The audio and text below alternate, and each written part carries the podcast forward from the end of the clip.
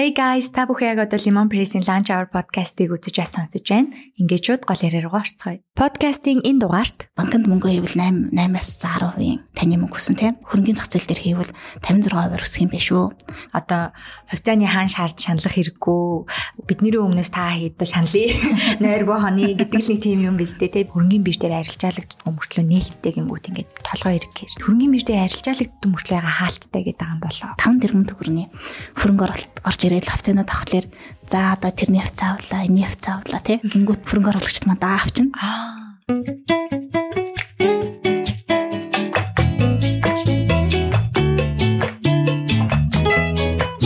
подкаст. Бидний подкаста бэлтгэн үргэлжлэх Lemon Studio-ийн зочны судал дээр арт менежмент компани гүйцэтгэх захирал хандаа хүрэлцэн ирсэн байна. Подкаст манд автаа морил. За баярлаа. За өглөөний мэнд хүргэе танд. За та бүхэнд ч өглөөний мэд төргий. Маш залуу хамт олон байна. Оо баярлаа.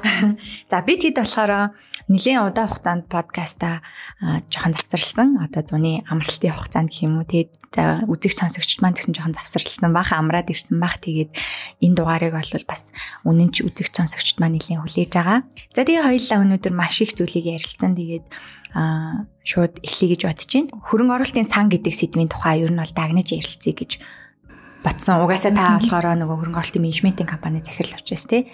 За тэгэхээр ардын хувьд болохоор үндэсний хөвчлийн сан тэгээд одоо хөрөнгө оруулагч үндэстэн гэд хоёр сантай. Тэгээд энэ хоёр сангийн ялгааг нь бас бид хоёр ярьж өгнө. За тэрнээс өмнө та бид хэдэд өөрийгөө танилцуулаач. Тэ ардад бас нэлийн удаан ажиллаж байгаа. Ардад ажиллахаас өмнө хаана ажиллаж ив? Карьерийн жоохон түүхээсээ. Би болохоор яг хөрөнгөний зах зээл дээр 15 орчим жил ажиллаж байгаа. За тэгээд намайг хандаа гэдэг. Одоор бол арт менежмент компани а гүйцэтгэх захирлаар ажиллаж байгаа. За тэгээд ер нь бол хөрөнгөний сургууль төгснөөс хойш хөрөнгөний зах зээл дээр ажиллаж эхэлсэн. За тэгээд ер нь бол сургууль эдийн засгийн онолоор гэдэл айгүй их мөнгөний онол те Тэгээд эконометрик гэл айгүй их тийм модель чиглэл рүүгээ айгүй их сурдаг байсан. Тэгээд тухайн үед бол хөрөнгөний зах зээл дээр ажиллана гэсэн үнэхээр ч хүсэл мөрөдөлтөө. Тэгээд сургуулаа төгсөөд яг биржийн зах зээл дээр ороод ажилласан ба. Тэгээд яг анх бол миний хүс хүлээсэн тэр хүлээлтэд бол манай хөрөнгөний зах зээл хүрээгөө. Тийм шүү дээ. Маш онд бай. Тийм 2007 2006 оны сүүлээр. Тийм. Тэгэл нөө кинон дээр гарахлаар чи хүмүүс ингээл амар дийлрүүд авч зараал ингээл амар ингээл ер нь завгүй байгаад идэв штэ. Тэгээд анх харилжаанд ингээд ороод сургалтанд суугаад орсон. Тэгээд дөрвөн жил яг сурсан мэдлэг болохоор зөвхөн суур болж байсан. Яг хөрөнгөний зах зээлийн талаар илүү тийм нэг э, э, мэдлэг мэдээл бол яг их сурвал маань өгөөг байсан. А тэгээд яг хөрөнгөний зах зээлээр арилж яасан чинь зүгээр л компьютераар цугаал одоо 1 2 цаг л арилж яадаг. Тин дотор ингээл бүгдээрээ ави зарыг гэл амир ингээл хөдөлгөөнтэй актив байх бол ус ердөөсөө тийм байгаагүй. А тэгтээ яг хөрөнгөний зах зээлийн хамгийн гоё үед нь орч чадсан.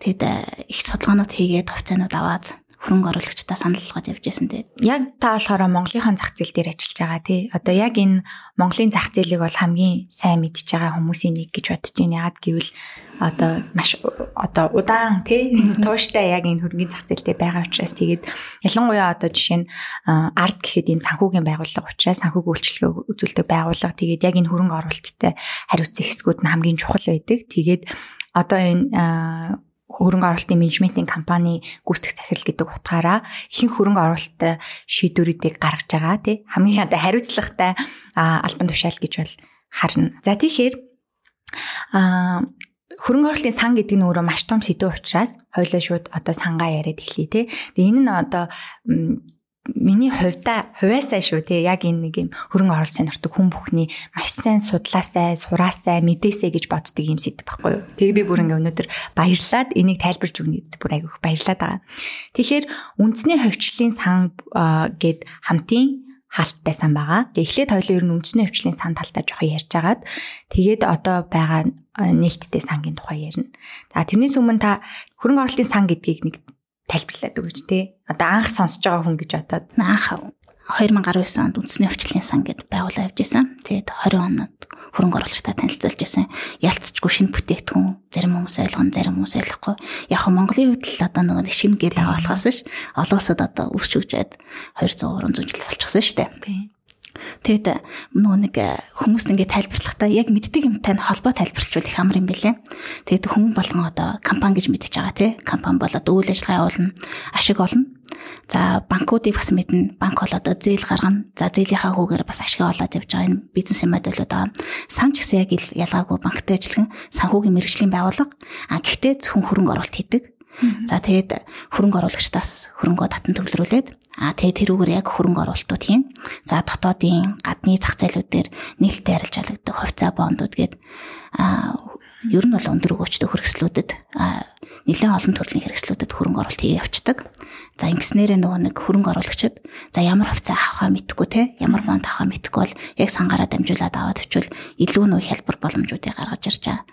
Тэгэд нөгөө нэг санхүүгийн зах зээл чинь нэг хоёр хуваагдаад байдаг дээ. Мөнгөний зах зээл, хөрөнгөний зах зээл гэдэг. За тэгээд олон улсад болохоор нөгөө нэг мөнгөний хөрөнгөний зах зээл бол маш нөгөө нэг өндөр хөгжилтэй. За санхүүгийнхаа зах зээлээс илүү том байгаад байдаг. За Монгол тэгэхээр яг нөгөө нэг хөгжил нь хөрөнгөний зах зээл нь маш бага байдаг. За санхүүгийн зах зээл бол нэлээд том. За тэгээд үүний гол шалтгаан нь одоо нөгөө хөрөнгө оруулагчдын яг нөгөө хүсэж байгаа олон төрлийн хөрөнгөний зах зээлийн бүтээгдэхүүнүүд байдгүй. За өнгөрсөн жилүүдэд бол нөх хувьцаа бонд гэл хоёр төрлийн бүтээгдэхүүн байсан. Тэгээд сүүлд одоо ингээд сан гэд хөрөнгө оруулалтын сан гэж шинэ бүтээгдэхүүнүүд гарч ирж байгаа. Тэгээд ер нь бол хууль нь бол 2013 онд байгуул батлагдсан. Гэхдээ 19 он 20 оноос л сангууд маань өсч хөгжөөд явж байна. Ер нь бол яг 19 онд анхны хөрөнгө оруулалтын сан буюу одоо хос гэж ярьдаг юм тий. Хосыг байгуулсан. За гэхдээ хүмүүс болохоор хөрөнгө оруулалтын сан гэдэг ингээ ойлоо тайлбарлаад өгчд болж юм те. Гэхдээ хөрөнгөний бирж дээр хүмүүс одоо хувьцаал арилжаалагдаг гэж боддог. Тэгээ өөр бүтээгдэхүүн байдаг гэдгийг мэддэггүй. Ер нь ихэнх дийлэн хүмүүс хөө хувьцаа зард юм байна. Хөрөнгөний биржийг тэгж ойлгож байгаа. Тэнгүүтээ ямар компани хувьцаа авах уу гэж ер нь бол хөрөнгө оруулалт сонирхож байгаа хүн ихэлж бодхоос биш те. Ямар сангийн нэгж ирэх авах вэ? Ямар бонд авах вэ? Ямар хөрөнгөөр баталгаажсан үнэт цаас авах вэ? Хибүүц авах вэ гэж юусоо боддгоо бах те. Тэгэхээр одоо ч ихсэн энэ мэдлэг жоохон дутуу байгаа. Тэгээ дахиад нэг удаа хэлчихье. Би өмнө нь энэ нөгөө бүтээгдэхүүний талаар ярьж өгч байсан. Гэхдээ та дахиад хөрөнгөний биштэй яг ямар ямар бүтээгдэхүүнүүдийг бид нэр авч зарж болдог тухай хэлж өгч. Манай Монголын хөрөнгөний бирж. За тэгээд үн цасны бирж гээд Монголд бол хоёр төрлийн бирж үйл ажиллагаа явуулж байгаа. За тэгээд Монголын хөрөнгөний бирж маань илүү төлхөө олон бүтээгдэхүүнтэй. За хувьцаа гээд гарч ийн те а хоёрдугаарт бонд байна. За засгийн газрын бонд а компани бонд гэдээ хоёр хуваагдчихад явж байгаа. За тэгээд хөрөнгөөр баталгаажсан унцаас за хөрөнгө оруулалтын сан гэдэг одоо бидний гол ярьж байгаа нэг зэрэг сангийн нэг зэрэг гэдэг. Тэгээд нөө хөрөнгө оруулалтын санд хүмүүс хөрөнгө оруулалт хийхин тулд сангийн нэг зэрэг гэдэг шинэ бүтээгдэхүүнийг авах шаардлагатай. За тэгээд одоо орол манад нэг гарын 5 хорон багтахаар л бүтээгдэхүүн Монголын хөрөнгөний бирж дээр арилжаалагч байна. За яг олон улсад бол тийм. За тэгээд option futures гэд нэмээд 40 олон төрлийн бүтээгдэхүүнүүд байгаа. Гэхдээ яг хөрөнгөний зах зээл олон улсын ялангуяа Америкийн хөрөнгөний зах зээлийн одоо энэ огцом өсөлттэй хөгжилтэй байгаагийн гол шалтгаан яг энэ хөрөнгө оруулалтын санал да яг энэ сан болохоор хүмүүсийн одоо нөгөө нэг шаардлагад нийцсэн хэрэглэхэд хялбархан хөрөнгө оруулах боломжтой тий үр өгөөчтэй ийм бүтээгдэхүүн болж чадсан. Тэгээ олон зуун жилийн турш одоо ингээл хувьсаал үнэхээр одоо чанаржаад яваад байгаа.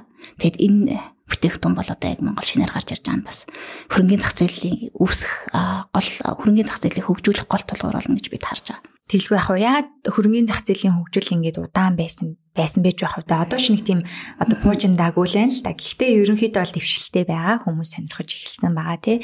Аа хөрөнгөний зах зээлийн хөгжлийг угаасаа одоо энэ сангууд нь ингэж авч явдгаа гэд ер нь олон улсын туршлага байгаа шүү дээ тий. Одоо та түрүүн хэлж гин хөрөнгө оруулалтын сан Монголд л ийм цөөхөн Монголд л ийм шинэ юм шиг боловч дэлхийд аль хизээний чинь бүр 2 300 жилийн өмнө байгуулагдав. Баг 1700 оны сүүлээс эхлэн тавигдаад тий. За тэгээ Америк бол энэ хөрөнгө оруулалтын сангийн тоогоор тэргүүлдэг. За тэгээд Америкийн хөрөнгөний зах зээл яагаад тийм хөдөлгөөнтэй байдгийнх нь нууц нь энэ хөрөнгө оруулалтын сан баггүй. Тэгэхээр хөрөнгө оруулалтын сан гэдэг тухайн үед та 2 3 жилийн өмнө гэж явах юм байна штэ тий. Байгуулаад одоо 3 жил болж байгаа гэсэн үг. Тэгээд анх яг хөрөнгө оруулагчдад энэ бүтээгдэхүүнийг танилцуулахад ч юм уу те гаргах гад явж байхад ер нь ямар хүндрэлүүд тулгарч ирсэн.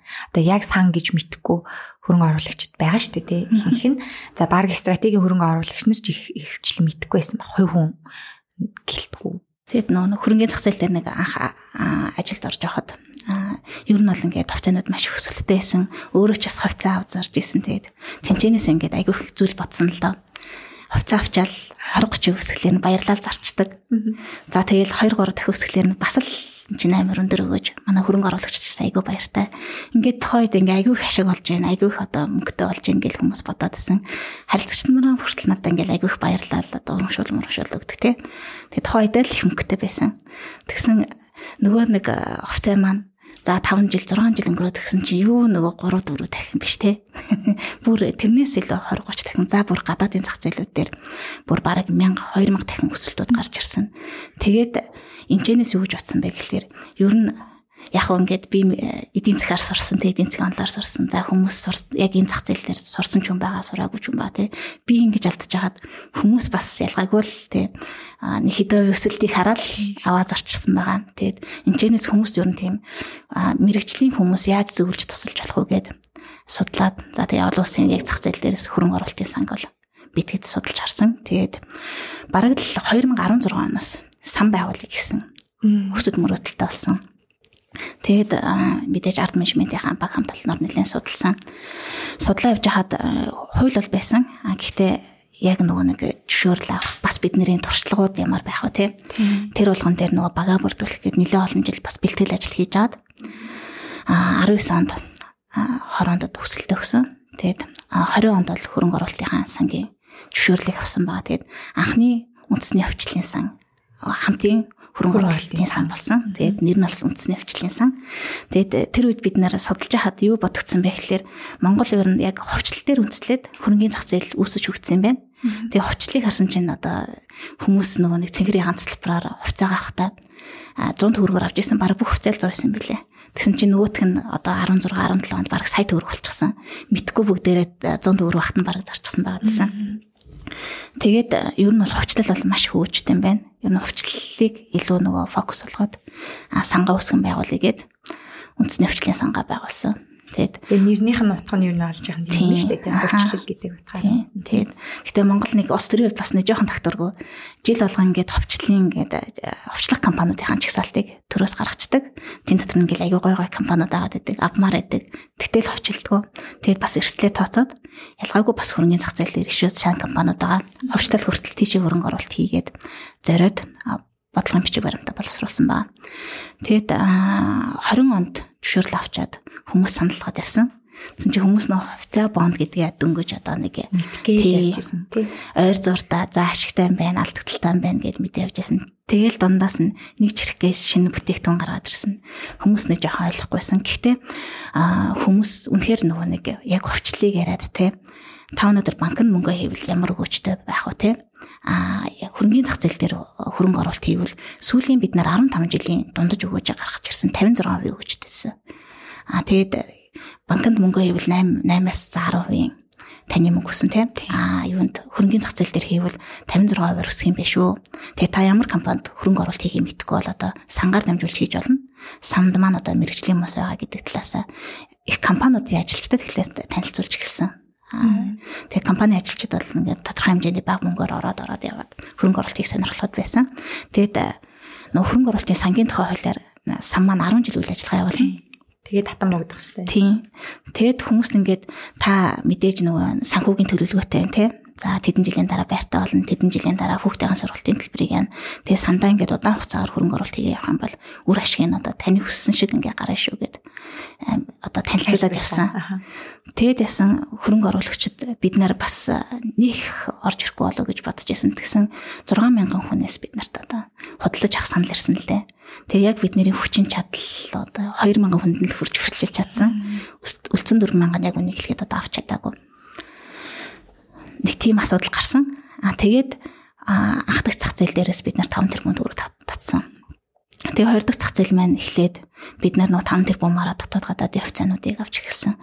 Аа тэгэд авч чадаагүй хөрөнгө оруулагчид авсан хөрөнгө оруулагчдын хооронд нэг бас дөнгөж ойлгосон хүмүүсийн нөгөө нэг юу зүр мэдлэг зөрөөт олж эхэлсэн. Аа хаалттай гэдэг нь бид нар нэг нэг чихэр гаргачаа дахиж нэг чихэр гаргахгүй. Тэгээд нэг чихэр манд бирж чөлөөтэй арилж алагддаг. Заавал та 10 жил хүлээгээд ах шаардлагагүй. Тэсэн авсан хүмүүс манд болохоор зарах ямар сонирхолгүй. За 10 жил байна гэж хүлээгээд байдаг. А авч чадаагүй хүмүүс манд болохоор хөрөнгөний зах зээл дээрээс авах гад байдаг. Тэгээд хит их нөгөө нэг эрэлт цаана байгаад нөгөө нийлүүлэх нийлүүлэлт нь байхгүй болохоор нөгөө үнэн ингээд хит дахин өсөөд эхэлсэн. Тэгээд яг нөгөө сангийн менежерүүд, сангийн ажилчид маань одоо хит их дахин өсөөд ийн гэж хэлэхэд хэцүү тий. Тэгээд яг тухайн үед бол бас нэг жоохон бидний хувьд бол цоошин тийм нөхцөл байдал үүссэн. Бас. А тэгээд сан маань бол нэг хувцаатай харьцуулахад нэг арай шинэлэг бүтээгдэхүүн яадаг вэ гэхээр та нөгөө нэг компанид хөрөнгө оруулалт хийхэд тухайн одоо компани хувьцааны үн хэд гэдгийг бол яг хэдвэ гэдэг бодит үнийг бол мэдхэд хэцүү. За үнэлгээ хийж иж хардаг тий. За магадгүй мянгаар зарагч байгаа хувьцааны үн цаана 2000 гэдгийг мэдчих чаддгүй. А сан маань бол яг бодит үнцэн нь бол бүр тогтмол мэдээлэл явж идэг. Тэгээд одоо бодит үнцэн 200 төгрөг байна гэд бид нар мэдээлэл тат хүмүүс 600-аар авах гэж захиалга өгдөөсөн. Тэгээд бараг хагас жилийн дотор 6 дахин гээд өсчихсөн. Тэгсэн бодит үнцэн нь бол 200 байгаад идэг. Нэг иймэрхүү асуудлууд бас гарч ирсэн саяны одоо тэр бодит үнцэн гэж яриад байгаа. Тэгээд энэ хамтын хаалттай сан гэж яриад байгаа эдрийг хоёлаа бүр нэг бүрчлэн тайлбарлая тий гэж юу нь бол бодоод байгаа. Би ягаад гэхээр энийг нөгөө ойлгуулчих гэж хичээгээд байгаа учраас те хөрөнгө оруулалтын сан. За тэрнээс өмнө одоо сая бит хоёр хөрөнгөний бишь дээр ингээд байгаа бүтээгдэхүүнүүдийг хэллээ дөрвөн төрлийн бүтээгдэхүүн байж байна. Тэгээ бид бүхэн одоо хөрөнгөний бишь дээрээс юм дөрвөн өөр юм авч болох нэ. А гэхдээ хөрөнгө оруулалтын сан дотор болохоор хамтын хаалттай сан буюу хөрөнгөний бишь дээр арилжаалагдж байгаа хоёр сан байгаа. Артын үндэсний хвчлийн сан нөгөөх нь одоо мандлын мандал ирээд өсөлт гээд хоёр сан байгаа. Тэгээд яг нэг хувьцаа гэдэг шиг нэг жирхэл гэдэг нэртэй шүү дээ. Тэгээ одоо за саяны дөрвөн бүтээгдэхүүнийг нийлүүлээд ерөөхийд нь үнэт цаас гэж нэрлэдэг ээ. Ер нь ийм нэг юм суур ойлголтуудыг аюу сайн хэлж байгаа хэрэгтэй юм шиг хүмүүст те. Тэгэхгүй бол нөгөө нэг үн цаасны данс нийлгэн үн цаас судалдаж аав гингүүт нөгөө гайхаад үнэт цаас гэдэг нь хувьцаанаас өөр юм уу, бонд нь өөр юм уу гэж гайхаад идэм шиглийн хүмүүс тэгээд нийтэд нь үнэт цаас гэж байгаа шүү. За тэгээд хоёр ийм сан байгаа. За Тэрнээс хойшоо болохоор дараагийн сангийн тухай ярихаас өмнө хоёлаа юу ярьж өгөх ёстой вэ гэхээр хөрөнгө оруулалтын сангийн тэр нэг жирхийн хойно байгаа одоо NAV гэж ярьдаг net asset value буюу цэвэр хөрөнгийн үнц юм. За тэнгууд бид нэр одоо ингэдэж штэ. За хувьцаан дээр би жишээ аваа ярил л да тий. Тасаа яг хэлж ин миний ярих гэж байгаа юм. Одоо 1000 төгрөгийн хувьцаа айлаа гэж бодоход цаана үн цэн нь хэдэн төгрөг байхыг мэдэхгүй шүү дээ тий. Одоо тэр үнэлгээ хийж гаргаж ирж байгаа учраас одоо 2000-ын хувьцааг бид нэр 1000-аар аваад тэр нь хямдхан багт нь аваад байгаа мó эсвэл 100 төгрөгийн хувьцааг 1000 төгрөг гэд үнэтэй хахт нь аваад байгаа мó бүү мэд. А сан болгоороо байнга одоо таны хэлдгээр энэ цэвэр хөрөнгийн үн цэнэд ингээд харуулж идэг аа тий? Яг ингээд хөрөнгийн биржийн сайтаар ороод харах юм бол цэвэр хөрөнгийн үн цэн гэсэн тустай юм үнэлгээ байж байгаа. Тэгээ яг хэлж гин та 200 төгрөгийн үн цэнтэй байгаа тахт чинь хүмүүс 600-аар авах гээд байсан гэд. Тэгээ цэвэр хөрөнгийн үн цэн гэдэг ойлголтыг та тайлбарлаж өгөөч. Яг яагаад тэр цэвэр хөрөнгийн үн цэн гэж. Тийм. Одоо нөгөө нэг сан маань одоо дэлхийд нөгөө хөрөнгийн зах зээлийн гол хөдөлгөгч хүчин байна гэдэг яриад байна те. За үүний гол шалтгаан нөгөө нэг хөрөнгө оруулалт хийхэд хамгийн хялбар ойлгоход хэлбэр байгаа даа. За хүн нөгөө хатгаламжинд мөнгө хийчихвэл за тэдээ өсдөг тийм. За одоо хувьцаанд хөрөнгө оруулалт хийчих юм бол хувьцаа маань одоо хэд байхыг мэдэхгүй.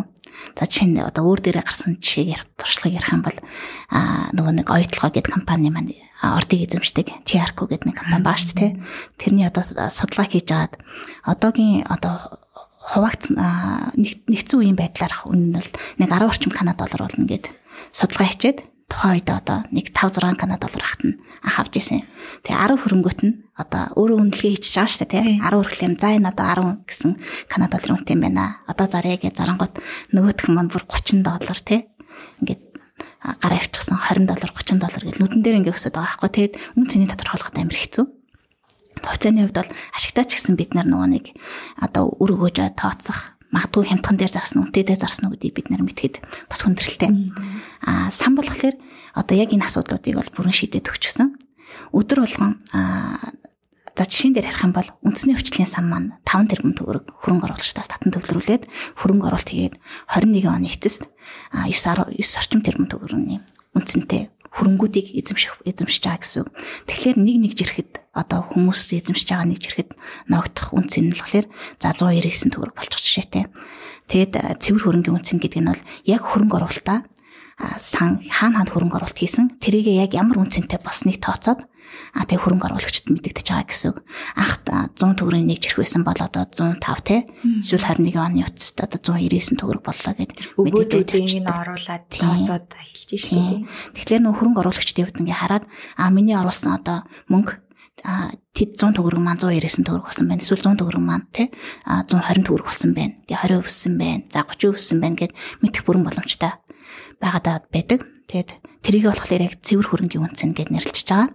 За тэгээд энийг бол үнэлэхдээ бол яг л хөрөнгөний зах зээлийнхаа бүтээгдэхүүний хаалтын аншуудыг авчиж байгаа гэсэн. За яг энэ хүртэл одоо ингээд анхааралтай сонссон хүмүүст би болохоор дахиад нэг хөрөнгө оруулалтын сан гэдэг зүгээр өөрийнхөө нэг харуугаар тайлбарлаад өгчээ тэгчээд үргэлжлүүлээд яриа. Ер нь бол хөрөнгө оруулалтын сан хэлгээ та бол яг гоё ингээд нарийн задаж тайлбарлаж байна. Гэхдээ би ингээ хар үгээр хэлэхэд би болохоор одоо эхлээд хөрөнгө оруулалт сонирхч бол хувь цааны тухай мэдхгүй гол нь одоо юу гэдэг хүн тэр компани хувьцаа сайн гинэ гэх юм бол магадгүй дагаад авчиж магадгүй те. Тэгээ тэр нь унж магадгүй, өсч магадгүй, юу ч болж магадгүй. Гэхдээ хөрөнгө оруулалтын ихэнд бол тодорхой хэмжээнд хүн цаг заваа зарцуулах хэрэгтэй болоод идэг те. Юм хум унших болоод идэг. Тэгээ мэдхгүй дээ шаналаад тэгснэ ингээ хөрөнгө оруулалт хийхгүй яваад идэг те. Яг гэвэл би одоо ингээ хөрөнгөний зах зээлийг судлаад хөрөнгөний биржийг судлаад дотор нь ямар гоё хувьцаа ингээл судлах цаг завгүй хүн байж болно дээ бас дахиад тустаа. Тэгэнгүүт тэр хүмүүсийн мөнгийг нийлүүлээл мэрэгчлийн хүмүүс бидний өмнөөс бидний мөнгийг удирдаад захиран зарцуулаад гэх юм уу. А одоо мэрэгжлийн хүмүүс нь тэр хувьцааны байна уу, бондын байна уу бидний өмнөөс авч өгч байгаа л гэсэн үг шүү дээ тийм ерөөхдөө. За тэгэл ерөөхдөө одоо тэр хос жишээ нь 50 компанид хөрөнгө оруулсан байлаа гэж бодъё л доо тийм. Тэнгүүд би нэг жирхийн эзэмшдэг байлаа гэж бодоход тэр 50 компани хувьцааг эзэмшигч болчихж байгаа шүү дээ тийм. Тэр хосын нэг нэг жирхийг эзэмшдэг байхад би тэр хосын хөрөнгө оруулсан 50 компани бас хувьцаа эзэмшигч болчихж байна гэсэн үг шүү дээ тий. Тэгэхээр яагаад гой бүтээгдэхүүн гэж хэлээд байгаагийн учир нь ерөөсөө л энэ тий. Одоо хувьцааны хаан шаард шаналх хэрэггүй бидний өмнөөс та хэд одоо шаналыг нойргүй хоны гэдэг л нэг тийм юм биз дээ. Тэгээ би зөв тайлбарж гинүү та засаж залруулвал. Тийм тийм. Аа нөө сая яг банктай нөө харьцуулж хэлсэн шүү дээ тийм. Хүмүүс бол банк бол хүмүүсээс хатгаламж хэлбэрээр мөнгө татчихж байгаа. Аа тэрнгээ буцаагаад зээл хэлбэрээр гаргаад дундаас нь ашиг авч байгаа. Сан бол хүмүүсээс бас аа мөнгөний татчихж байгаа. Аа тэгтээ буцаагаад хөрөнгө оруулалт хийчихэж байгаа. Аа тэгээд банк сан хоёрын гол ялгаа нь юу гэхээр банк бол ингээд ашиг нэмэгдээд явж байгаа. Аа сангийн хувьд бол олж ирж байгаа одоо хөрөнгө оруулалтын бүх ашигуд хөрөнгө оруулагчтай хуваарлагдаад явж байгаа. Дээрээс нь хугацаатай 10 жилийн дараа бүх хөрөнгө оруулалтуудаа хийчдэг. Аа тэгээд яг нөгөө нэг сан хувь хүн хоёрын ялгаа нь бол одоо сайн хэлдгэр Хүүхэн бол өөрөө судалж шинжилж хөрөнгө оруулалт хийх хэрэгтэй. За Монголын хөрөнгөний бирж дээр 180 компани байна. За тэр нөгөө Nasdaq ч юм уу те гадны биржүүдээр 3000 4000 компаниуд байна. Хаана хөрөнгө оруулалт хийхэд сонгох хэцүү, судалгаа хийхэд бас хүндрэлтэй. А сангийн хувьд бол яг тэнд мэрэгжлийн хүмүүс ажиллаж байгаа. Тэр хүмүүс маань за хүмүүсээс татан төлөвлөсөн хөрөнгөөрөө хамгийн гол нь судалгаатай. Тэгээ дээрээс нь шинжилгээтэйгээр хөрөнгө оруулалтууд хийгээд явж байгаа. Тэгэхээр л энэ одоо тэр яг хөгжөөд байгаа шалтгаан нь шүү дээ. Тэгээ одоо мэдхгүй баахан хүмүүс хөрөнгөний бирж дээр ингээд толгойн эргээд яваад тахгүй. Мэддэг хүмүүс нь бидний өмнөөс сан болж ороод тий. Аа ингээд яваад байна гэсэн үг. Тэгэхээр л хамгийн гоё. Тэгээд ер нь бол хөгжих хэрэгтэй гэдэг байгаа нь. Тэгээд хөрөнгөний бирж дээр гоё бүтээгдэхүүн байхгүй байна гэж бас ингээд одоо яг зах зээлийн хүмүүсээ яриад идэг. Тэгтээ хүмүүсээ гой бүтээгдэхүүн гэж юу хэлээд байгаа гэдэг юм сайн мэдтгүү шүү дээ. За тэгээ хөрөнгө оруулалтын санд болохоор ерөөхдөө өөртөө гэсэн хөрөнгө оруулалтын бодлого гэж юм байгаа тий.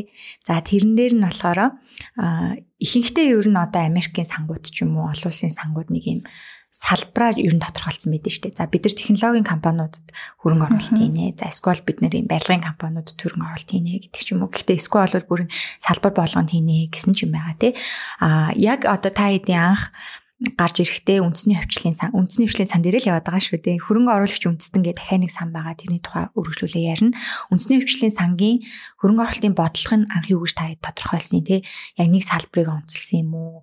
Гадаад дотоод хувьцаа алийг авна гэж гарч ирсэн. Тэгээ тэр бодлогоо ер нь та одоо нэг гэсэн хөрөнгө оруулалтын философи юм да тий. Яаж тодорхойлсон бэ? Тий нөгөө сая хэлсэн. Би тэд нөгөө хувьчлал дээр илүү төвлөрөө маш их ашиг хийж болж байна хувьчлал дээр. За тэгээд хүмүүс өмнө алдчихсан. Одоо л яг хувьчлалаараа өргөөж хийх боломжууд байна гэд ер нь илүү хувьчлалыг судалсан байгаа. А гэхдээ мэдээж нэг хувьчлал маань болохгүй бол яах вэ гэдэг бас асуудлууд эрсдлийг тооцох хэрэгтэй. А тэгээд хөрөнгө оруулалтынхаа ер нь бол нөгөө хүмүүс санд хөрөнгө оруулалтыг те хамгийн чухал нь хөрөнгө оруулалтын сайн бодлогоо харах хэрэгтэй. Та Монголын хувьцаануудад хөрөнгө оруулалт хийх сонирхолтой бол магадгүй Монголд хөрөнгө оруулалт хийдэг сангаа харжаад тийшээ хөрөнгө оруулалт хийчих болно. А тэр бодлого дотор ямар ямар хаашаа сал ямар салбарууд хөрөнгө оруулалт хийх юм, ямар хугацаанд хөрөнгө оруулалт хийх юм, актив үү, пассив үү гэд бүх мэдээллүүд нь байж байдаг. За тэгээ тэрийг харж аваад хөрөнгө оруулалт хийх нь их одоо нөгөө нөгөө хүний хувьд хүсэл зорилгод нь нийцэхэд амар байгаа. Яг Монголын хувьд нэг жоохон сонголт байх та олон улсад ч одоо бараг 130 30 мянга орчим хөрөнгө оруулалтын сан байна. Тэрний хил дээр одоо үнэхээр үл хөдлөх хөрөнгө байд юм уу те? Эсвэл одоо технологич байд юм уу? Эсвэл нэг органик бүтээгдэхүүн ч юм уу те? Ийш ийш хөрөнгө оруулалт хийнэ гэж сангууд нь ингээд тодорхой бодлого гаргаад өгчихсэн. Сая ковид үеэр чинь яг органик бүтээгдэхүүнд хөрөнгө оруулалт хийдэг сангуудын ашиг бол маш өндөр да. За тэгээд манай сангийн хувьд болохоор илүү дотооддоо хөрөнгө оруулалт хийнэ Аа тэгээд нэгдүгээрт хоёрдугаарт илүү хувьцаанд төвлөрч хөрөнгө оруулалт хийн гэсэн байгаа. За тэгээд хувьцаанд төвлөрч хөрөнгө оруулалт хийхдээ бид нэр илүү өсөлт гаргах аа тийм үр өгөөчтэй компаниудад хөрөнгө оруулалт хийн гэсэн төлөвлөгөөтэй ажилласан. За тэгээд тэр төлөвлөгөөнийхаа дагуу нийт хөрөнгөийнхаа 70 орчим хувийг хувьцаанд хийсэн байна. За 5 тэрбумын 3 орчим 3.5 орчим тэрбумын хувьцаанд хийсэн. Тэгээд яг ковидын үед хувьцаанууд нэлээд уналттай үед хийж чадсан. Тэгээд хувьцаанууд маань ковидын дараа за ялангуяа 21 оны ихээр бүр 2 3 дахин өсөж эхэлсэн. За тэгээд нөө яг өсөлтийн сан маань болж эхэлж чадсан л да. Тэгээд нөө 100 төгрөг маань жилийн дотор 200 төгрөг болдог нь ер нь бол яг өсөлттэй компаниудын хувьцаанд хийх зорилго тавьсан. Энд дэ хүрч чадсан. А тэгээд а ганц нэг юу нь болохоор бидний одоо ер нь бол бид нар ингээд бас давхар суралцаал яваад байгаа юм л да. Яг анхны сан гэдэг үднээсээ нөгөө 70 хүртэл хувийн одоо хувьцаанд хийн гэсэн чинь нөгөө хувьцаанууд маань өсөж эхэлсэн чинь тэгээд 80%, за 75% гэдээ маш өндөр болоод эхэлсэн. Тэгээд аа нөгөө хувьцаагаа одоо тэгээд зараад буцаад 70 руу орох уу эсвэл одоо ирээдүйд дахиад илүү өсөлт гарч ирнэ бид нэр арай нөгөө нэг докторж байгаагүй компаниуд дээр тэгээ хөрөнгө оруулалт хийгээ явж байгаа. Ирээдүйд бас нэлээд сайн төлөвлөж байгаа харж байгаа компаниуд байсан. Тэгээд тэрэн дээр нэг жоохон асуудлууд гарч ирсэн. Аа тэгээд бусдаар бол мэдээж бид нэр одоо яг төлөвлөж байгаа өсөлтийн компаниудад тэгээд товцоонуудад илүү төлөвлөж орсон. Тэгээд энэ сангийн маань хувьд бол гадны зах зээл дээр бол нэлээд бас бага хувиар хөрөнгө оруулалт хийсэн байгаа. Илүү дотоодын өсөлттэй компаниуд дээр хөрөнгө оруулалт хийсэн. За аливаа хөрөнгө оруулалт дээр ер нь өгөөж нь одоо шууд хүний шууд харах хэрэгтэй нэг юм бах тий. Одоо юу гэдэг бонд хибүүц хөрөнгөөр баталгаажсан үн цаас эдэр бол тогтмол өгөөчтэй шүү дээ тий. За яг тэдэн хувийн өгөөж одоо мөнгө өглөө гэж бодоход тэдэн хувиар өсөөд буцаа авна гэдэг нь тодорхой байдаг бол хөрөнгө оруулалтын санд ер нь тэр нь ямар байдیں۔ Одоо жишээ нь би зүгээр нэг энгийн сайн компани хувьцаанд оруулснаас илүү өгөөж авна гэж бодох юм уу? Яаж бодох юм те? Яг нь ер нь бол хүмүүс ярьдаг л та. Ямарсан банкны хадгаламжаас давна гэж бодож хосын нэг жирх авдаг гэж яриад байдаг. А гэхдээ өгөөжийг юу яадیں۔ За мэдээж өгөөжийг бол яг амлалтгүй те яг тэдэн хувийг өгнө гэж одоо бонд юу шиг амлахгүй. Гэхдээ нэг тийм арай өндөр өндөр байдаг онцлог байд юм уу? Хөрөнгөний зах зээл дээр сайн өнгөрсөн 19 оны өмнө бол жилд дунджаар 56% өгөөчтэй гэж шүү дээ. Тийм. Амар өндөр сонсогдсон. Тийм амар өндөр. А гэтээ сая 2021 оны эцэст хөрөнгөний зах зээл Монголын хөрөнгөний бирж бол 131% өгөөчтэй байгаа байхгүй юу. Тэгэхээр та банкнд мөнгөө хийвэл за нэг сая төгрөг мөнгөө хийвэл нэг сая 80 мянган төгрөг болно те. За хөрөнгөний зах зээл дээр яг мөнгөө хийгээд тэр нэг топ 20 компани хувьцаа худалдаж авал таны мөнгө хоёр дахин өсөд за 2 сая 300 мянга болох жишээтэй те. Сая төгрөг хийсэн тохиолдолд за тэнгүүт а энэ өгөөжийг хүмүүс хамгийн гол нь авмаар байна л да. А тэгтээ тэр нэг хөрөнгөний биржийн нэг 180 компани алийг авах вэ гэдэг асуудал гараад байгаа тийм. А тэнгуут сан маань юу болж байна вэ гэхээр яг хөрөнгөний зах зээлийн нөгөөжийг танд өгөө л гэж байгаа. А гэхдээ одоо яг 130% өгөөж ин бол өгч чадахгүй. А олон компаниудад хөрөнгө оруулалт хийгээд тэрнээс бий болж байгаа дундж өгөөжийг танд өгнө. А гэхдээ маш олон компаниуд хөрөнгө оруулалт хийж байгаа учраас бас эрсдэл нь багасна шүү. Тэ давхар давхар тийм гарч ирэх боломжтой. А тэгэд санд хөрөнгө оруулалт хийхийг нэг давуу тал нь юу вэ гэхээр бид нэг дундч өгөөж гаргаад ирдэг. Сүүлийн 15 жил, сүүлийн 10 жилийн хөрөнгөний зах зээлийн өгөөжүүд хаана хаана хөрөнгө оруулалт хийх вэ бодлогын дагуу тооцож үзээд ер нь манай өгөөж дунджаар нэг тэдөө байшгүй гээд за үндэсний хвчлийн сангийн хувьд бол дунджаар 17.6% өгөөчтэй байшгүй гээд хүний шийдвэр гаргахад илүү хялбар болгоод өгч байгаа юм л да. Дундаж өг нь гаргаж өгч байгаа өгөөж. Аха. Тэгэд би тэд өнгөрсөн 10 жилийн судалгаа хийх чаа хөрөнгө оруулалтаа ингээд айгүй судалж үзээд бас ингээд айгүй онол гаргаад те хийгээд хөрөнгө оруулалт хийсэн л дээ. Тэгээ дунд чинь 17.6 байх юм бол гэсэн жилийн эцэс дээр нөгөө гэж маань бараг 80% гараад ирчихсэн. Бас яг ингээд яг тоочны бас тооцоход бол хүндрэлтэй юм билэ. Тийм шүү. Саяны нөгөө эрсдэл тархан байршуулдаг гэдэг дээр одоо үнэн бас нөгөө яг их хос буюу хөрөнгө оруулалтын сан чинь нөгөө хөрөнгө оруулагчийнхаа эрх ашигыг хамгийн нэгдүгээр тавьдаг учраас эрсдлүүдийг тэр тархан байршуулах аягүй чухал эдэн дээ. Одоо нэг компани хувьцаа унжаахад нөгөөт нь өсөж явах хэрэгтэй шүү дээ. Тэгжээж одоо хөрөнгө оруулалт өгөөж авдаг. За энэ дээр дараа нь асуухад одоо би нэг хоёр сан байна гэж сая хэлсэн шүү дээ тий өмнө нь. Тэгээд ингээ хоёрхан байгаа учраас энэ хоёрыг л ингээ яриад байгаа. Тэрнээс биш одоо юу гэдэг аль нэг компани хэрэг ашиг руу ерөөсөө яагаагүй шүү. А одоо нөгөө мандлын мандал ирээд өсөл сан болохоор 50 тэрбум төгрөг татан төвлөрүүлсэн шүү дээ тэгэхээр үндэсний хвшлийн сан болохоор 5 тэрбум гээд ингээд 10 дахин баг дүнгээр татан төвлөрүүлсэн харагдчихээн тэгээд та хэдийн хувьд болохоор За энэ нэг ёсны ер нь IPO шиг гэсэн үг шүү дээ. Одоо компани IPO хийж байгаа юм шиг л нэг үйл явц явж байгаа. Гэхдээ ийм баг дүнгээр ингэж цуглуулдаг нь одоо та хэдийн бодлого юм уу эсвэл бол анх одоо байгуулж явахдаа эрсдлээ бодоод юм баг дүн тавьж исэн юм уу яг нэг яг анхны сан болж таарсан 2013 онд хөрөнгө оруулалтын сангийн тухай хууль батлагдсан ба. Тэгээ тэрнээс бол хойш бол дандаа хувийн сангууд байгуулагдчихсэн. За хувийн сангууд яадаг вэ гэхээр зөвхөн илүү нэг хөрөнгөчнийтэй хүмүүс ч юм уу те. Эсвэл одоо нэг илүү мэрэгжлийн хүмүүс хөрөнгө оруулалт хийх боломжтой. Хүссэн хүн болгон бас хөрөнгө оруулалт хийхэд хүндрэлтэй тийм хязгаарлагдмал л та. А тэгээд хамтын сан бол одоо илүү нөгөө нэг олон хүмүүсийг хамарсан хөрөнгө оруулалт хийх боломжтой. Тэгээд 19 13 онд батлагдсанаас хойш одоо бид нэр 20 он гэхлээр бараг 7 7 жил 6 жилийн дараа анхны санг байгуулж байгаа. Тэгэд хороод яг хянагч байгуулах санхүүнцэл болохоор тэрэн дээр бас нэлээд болгоомжилсан. А хоёрдугаар бас бидний хувьд бас тодорхой хэмжээнд бас нөгөө нэг 5 э, тэрбум илүү их хэмжээтэй мөнгө байх юм бол хөрөнгөний зах зээл маань бас багтааш ингэж чадах уу. Нөгөө нэгс бидний судлаад байгаа сайн компаниудын ихэнх хувьцаа нь одоо нэг хэдэн хүн дээр төвлөрчихсөн те 70 80%. Бид нэр одоо тэрийг худалдаж авахд нөгөө зах зээл дээрээс нийлүүлэлт байх болов уу гэд хит хитэн зүйлээ ботсон. А гэхдээ бидний нөгөө нэг үндэсний хвчлийн сан бол хвчлэл гэдэг үднээсээ маш том объемтай юмнууд газруудад хөрөнгө оруулалт хийн гэсэн. Тэгэд тэрнтэй харьцуулахад бол 5 тэрбум бол маш бага л да. Тэгээ хороо болон манах бас хоорондоо зөвлөлдөж байгаа техникийн ээлжинд 5 тэрбум төгрөгөөр эхлэхээр болсон байгаа. Тэгэд э, нэг жилийн хугацаанд, нэг жил гарангийн хугацаанд бас хөрөнгө удирдаад явж байна. Баг мөнгөний хувьд бол үнэхээр баг мөнгө байлээ. Ялцчихгүй тийм. Яга баг мөнгө гэж байгаа вэ гэхээр а иргэдийн хадгаламж нь одоо банкудад байгаа хадгаламжинд 18 их 80 төгрөг байдаг аа тий. Иргэн тийм хэмжээний мөнгийг хадгаламжинд байлгадаг.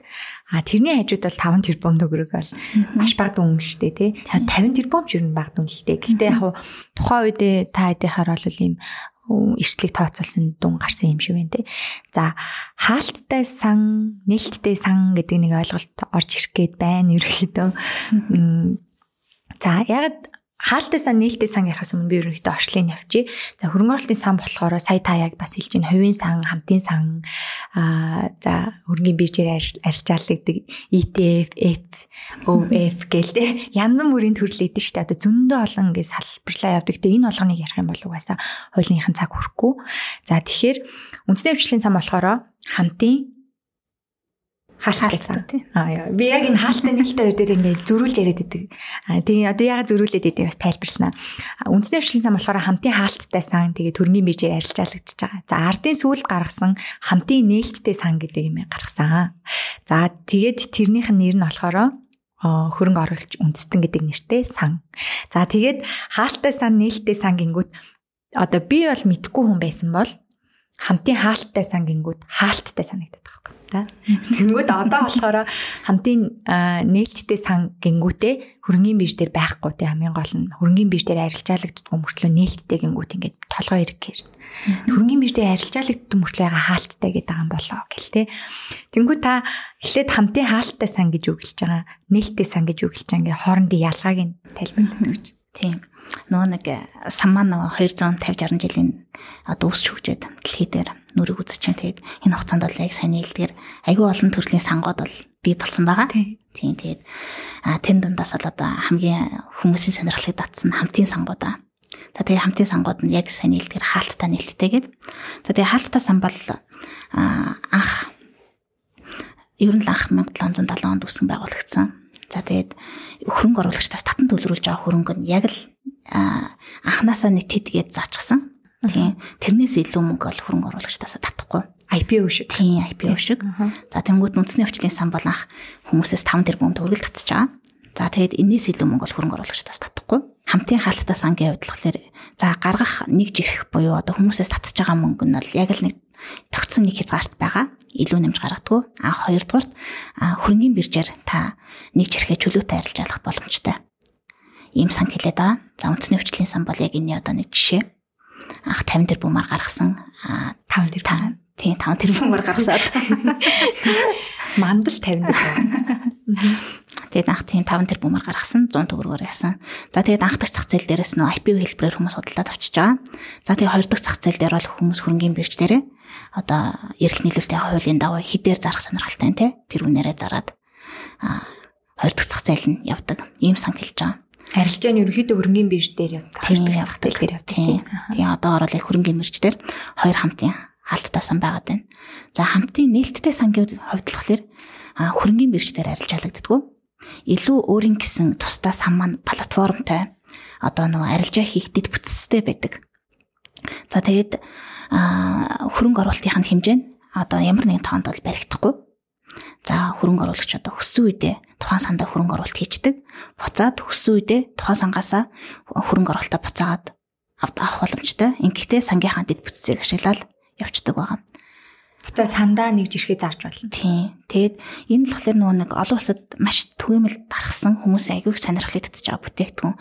Яадаг вэ гэхээр хүмүүс одоо хамтын хаалттай санг за үндэсний өвчтлийн сангийн нэг жирхийг авах ч юм уу те. За мандлынхаа нэг жирхийг хөрөнгөний биржээр дамжуулаад авчинд буцаа зарахтаа биржид зардаг. За тухайн үед одоо ханшин ундаг эсвэл хөрөнгө оруулагч бас худалдаж авах. Эрэлт нь бага байвал бас зарахгүй хэд хондог ч юм уу тийм ийм асуудлууд байдаг. Захиалган биелэхгүй. Захиалган биелэхгүй. За тэгвэл хамтын нээлттэй сан бол яг энэ асуудлуудыг шийдээд өгчихсөн. Илүү хугацааг батгаламжтай ажиллах хөрөх чадвар сайтай болоод эхэлж байгаа. За өөрөөр хэлбэл та сандаа хөрөнгө оруулалт хийчээд яг мэдээж одоо санхүүгийн харагцааг хараад жил 2 жил 10 жилийн хугацаатай төлөвлөлт та санд хөрөнгө оруулалт хийсэн байж болно. Гэтэ ингээд яаралтай асуудлууд хүнд мэдээж тулгарна тийм. Тэр үед нь сангийнхаа дид бүтц одоо аппликейшнуудыг ашиглаад сандаа буцаагаад э, нэг жирхээ зараад мөнгө өгөөчтэй нах бүрэн боломжтой хүссэн үедээ гэдэг. Энүүгээр маш давуу талтай. Нээлттэйгээ дагагийн утга учир нь ердөө одоо тэр нэг юм аа юу штэ татан төлрүүлэх тийм анханасаа дүн тавиагүй ингээд хүмүүс олон хүмүүс мөнгө өгөөд байвал тэр дүн нэмэгдээл ээж болно. Тэгээд эргээд бас чөлөөтэй ингээд буцаа гарч болдог хөрөнгө оруулалтаасаа. Тэгээд сандаа буцаагаад нэг жирхээ зараад гарчж болдог. Ингээд тэр утгаараа нээлттэй гэдэг байгаа. Яг хаалттай гэдэг байгаа нь болохоор зөвхөн би хөрөнгөний бирж дээр л буцаад буюу хоёр дахь биш гурав дахь читгээд нөгөө э, нэг жирхээ зарж болдсон шүү дээ тий. За хувийн санг бас нэг хилээд өгчий тий хоёлаа. Ер нь бол хувийн сан гэж бас байгаа. Тэгээд хоёрхан л нээлттэй хамтын хаалттай хамтын нээлттэй сан байгаа даа гэвчиг боловчиг цаана хувийн сан гэж зөндөө олон байгаа. Аа за нэг 20 гаруй байгаа мөн лөө. Тэгээ хувийн бол хувийн сан болохоор юм нууцлагдмал мэдээлүүд нь жоохон нууц байдэн шүү дээ тий. Тийм учраас би бол нэг 20 гаруй хувийн сан байгаа уу гэж бодож байна. Тэгээд э, сүүл тавсан мэдээллээр бол тоогоор тэгээд хувийн сан гэдгийг та тайлбарлаад өгөөч. Юу нь ягаад хувийн гэдэг байгаа биднэрт юу н хамаатай мүү хамаагүй мүү? Ер нь бол сан болгоно нэг ижлэхэн шин чанартай тэр нь бол бүгдээрээ хөрөнгө оруулалтын бодлоготой учир нь хөрөнгө оруулалт хийж байгаа тийм. Аха хамгийн гол нь орж байгаа хөрөнгө оруулагчид нь За хувийн яаж орох уу, хаалттад яаж орох уу, хамтынд яаж орох уу гэд ялгаатай байгаа тийм. За хувийн хувьд бол хөрөнгө оруулагч дээрээ тодорхой хэмжээний одоо шарга шарга шалгуур шаардлагуудаа тавьчихсан. А тэгээд илүү нөгөө нэг одоо эрсдэлтэй бүтээгдэхүүнд орох одоо тэр нэг эрсдлүүдийн заагаад өгчихсэн илүү мэрэгжлийн хүмүүс жишээ нь ордог ч юм уу те бүр илүү өндөр өгөөчтэй магадгүй. Тийм. Эрсдлээ дагаад өндөр өгөөчтэй юм байгаад байдаг. А тэгээд яг ингээд нээлттэй биш болохоор хүмүүс за би орё гэд очиод яваад ороход бол жоох хүндрэлтэй л баг. Ямар шаардлага тавьдгийг ангилж өгч. Одоо би ануу орё гэвэл яах вэ? Надад ямар шаардлага тавих вэ? Хувийн санд орё. Яг хувийн сан болгон өөр өөр ингэсэн нэг бодлоготой тэр бодлогын дагуу харах хэрэгтэй хэл та. Өөр өөр ингэсэн бас нэг шаардлага шалгуурууд бол байгаа бах. Яг Монголын хуулинд бол одоо хувийн санд ороход хөрөнгө оруулагч ийм юм шаардлага шалгуур тавина гэсэн заалт бол байхгүй. А тухайн одоо нэг 20 гаруй сан байна гэж юм те. 10 үед энэ би 19 нь 20. 19 нь 20. А тэр сангууд бол өөр өөр ингэсэн нэг бодлогууд нь байгаа. А тэр бодлогын дагуу одоо та шаардлагыг хангаад одоо магадгүй таныг 10 сая төгрөгөөс дэшөө хөрөнгөтэй орлоготой байх хэрэгтэй гэдэг нэг шаардлага тавьчихсан байхаа үүсэх харахгүй эсвэл өөр ямар юм эсвэл мэдлэгтэй байх хэрэгтэй эсвэл эрсдлээ даах чадвартай байх хэрэгтэй гэх тээ маш олон зүйлүүд тавьсан байх боломжтой. А тэгтээ бас илүү хөнгөрүүлсэн байж болно. Гэтэл одоо нөгөө мэдээлэл авахын тулд та сан руугаа залгана тэгээд тэд нэр хөрөнгө оруулагч одоо магадгүй хөрөнгө оруулалтанд дүүрчихсэн нэмэлт хүмүүс авахгүй тийм сангууд ч бас байхаа үүсэх аргагүй тий. Тийм учраас ер нь олон нийтэд ерөөсөө зарлахгүй тий. Тийм. Тэгэхээр бид нар мэдтгүү гэсэн үг шүү дээ тий.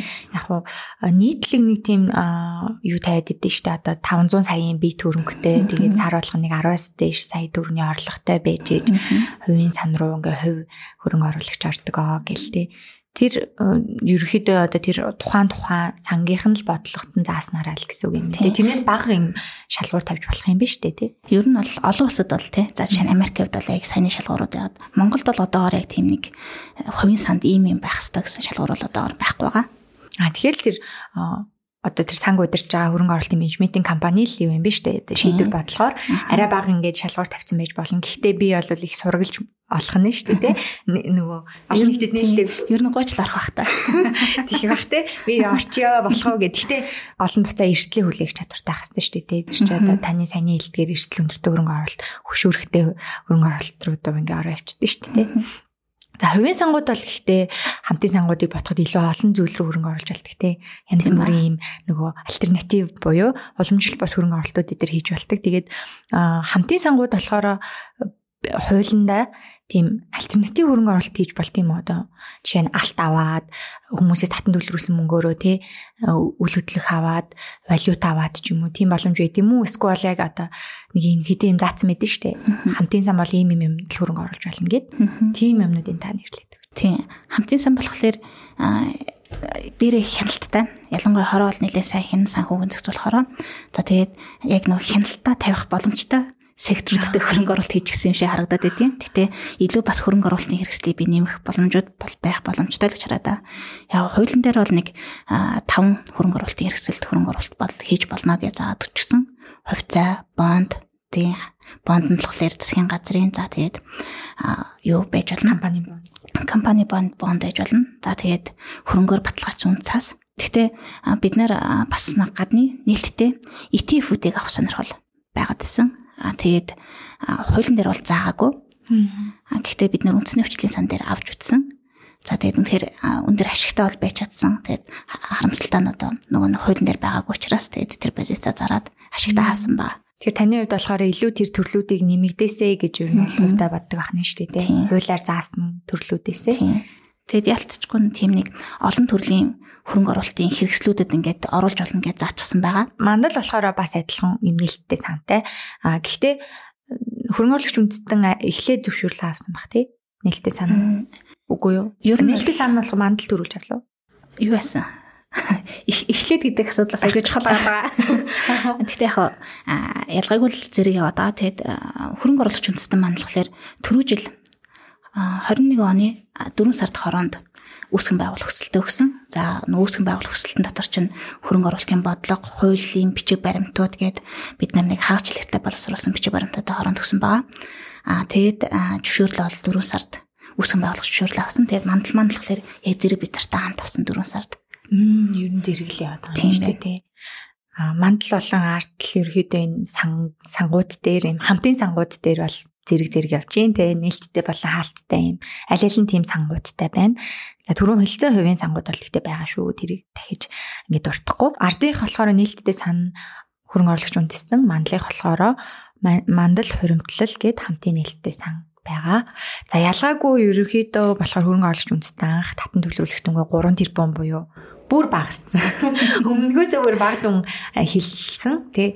За харин эсвэргээрээ би мандал хуримтлалын хуримтлал хамтын нээлттэй сангийн нөгөө нэг танилцуулгыг уншингууд 100 тэрбум төгрөг хүртэлх дүнгээр татан төвлөрүүлнэ. Тэгээд нэрлсэн үн нэг төгрөг тэгээ 99 тэрбум нэг жирэх гарганаа гэсэн зүйл бичсэн байгаа даа дээ тий.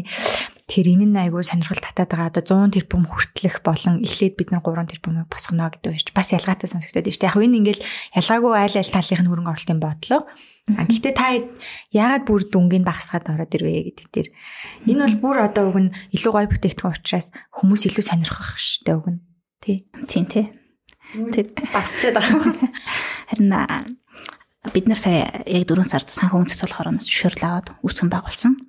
Тэгэд бас нэг өмнөх сангийнхаа туршлага бид нартай байна. Бас нэлээ бас амжилттай удирдах чадлаа.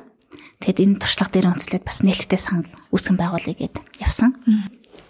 За тэгэд бас нэг шинэл бүтээгдэхүүн бас яг айдас байгаа. Туршлага байгаа ч гэсэн хороо хэмж байгаа ч гэсэн бас тодорхой хэмжээний айдас байгаа. Аа тэгээ хоёрдугаар бас шинэ бүтээгдэхүүнээ бас хүмүүс энэ чинь шинэ бүтээгдэхүүн гэдэг чинь дараа дараагийн бүтээгдэхүүний суурь нь болж өгдөг. Их буруу явах юм бол мэдээ зах зээлд маань маш сөрөг нөлөөтэй. Энэ үднээсээ бас эхлээ ямарч исэн баг дүнгээр эхэлж үзье гэж бодсон. Аа тэгээд нээлттэй сан бол хаалтаа сангууд бол илүү хариуцлагатай. Одоо та хүсүү санд хөрөнгө оруулалт хийчээд хүсүү үедээ мөнгө буцааж авна. Тэгэхээр бид нэр тэр хэмжээний одоо нөгөө хөрөнгө чадвар сайтай хүссэн үед нь хөрөнгийг өгөөчт нь өгч чад чадвартай байх хэрэгтэй. Тийм. Тэр үднээсээ бид нэр 3 тэрбумаар эхэлж үзье гэж бодсон байгаа. А тэгээд энэ маань хэрвээ ингээд үнэхээр үр ашигтай цааш явах юм бол энэ дүн маань бол цаашаа нэмэгдээд явхад бол сая хэлдэг шиг нээлттэйсэн учраас боломжууд бол байгаа. Тийм. Нээлттэй учраас нөгөө нэг жирхээ дахиж нэмж гаргаж болно шүү дээ, тий тэрүүгээрээ бас нээлттэй гэдэг үгнийх нь утга байгаа. Хаалтай сан болохоор бийж тэр арилжаалагддаг ч гэсэн нэмж нэгж ирэх гарахгүй. За шууд тойлоо тодорхой болгох чи би нээлттэй сангийн нэгж ирэхийг яаж худалдаж авч болох вэ? Одоо бийж дээр биш гэхээр би одоо брокер компаниараа захиалга өгж болохгүй юм шиг байна. Тэгээд тусдаа платформтой байдаг гэж юм. Тэгэхээр вебсайтаар нь хандаж авах юм уу? Тэ гой бүтээгдэхүүн ба гой бүтээгдэхүүн хийдэг яаж авах вэ бас мэдж авах хэрэгтэй тийм. Сангийн маань нэг чирхийг арт аппликейшнаар дамжуулаад авах боломжтой. Буцаагаад арт аппликейшнаараа дамжуулаад зарах. Тийм. Авах зарах болгоно нөгөө талд бол манай хөрөнгө оруулалтын сан хөрөнгө оруулагч үндэстэн маань байж байна. За тэгээд өдөр болгон одоо тогтсон цагт за 10-аас 12 цагийн хооронд аа бид нар одоо захиалгуудыг аваад тэр өдөртөө биелүүлээд явна гэсэн үг. За тэрнээс хойш орж ирсэн захиалгыг дараа өдөрт нь биелүүлээд гээд өдөр өдөрт нь биелүүлээд явна л гэсэн үг. А тэгэхээр илүү одоо нөгөө нэг мөнгө өсвүйд авч болно. Илүү мөнгө одоо танд мөнгө дахиад илүү гарлаа гэх юм бол сандаа шууд хөрөнгө оруулалт хийж болно. Магадгүй хугацаагүй хатгаламж эсвэл харилцагад та мөнгө хийж өсвүйд аавна тий таны одоо хөрөх чадвар э, бол хамгийн одоо номер 1 штэ. За тэгвэл тэнд бол хүүг байх юм бол сандаа бол бас өсвөө үедээ л хөрөнгө оруулалтын сандаа мөнгө хийчин. За тэгээ буцаад бас өсвөө үедээ авчин. Тэгтээ өгөөч тавьчих. Тийм нэг ийм давуу талуудыг олгоод байгаа. Гэтэ 2032 он гэхэд бол а нөгөө анх ярьжсэн 10 жилийн хугацаатай байгуулагддаг. Тэгээ 2032 он гэхэд татан буугдана. Тэгэхдээ үндсэндээ бүх хөрөнгө оруулагчдынхаа 32 он хүртэл байсан хөрөнгө оруулагчдынхаа өгөөжийг бодоод ингээд өгнө штэ тий хүмүүнд нь. За ингээд 10 магадгүй эхний эхлэлт нь ороод 10 жилийн дараа ч хүн гарч магадгүй.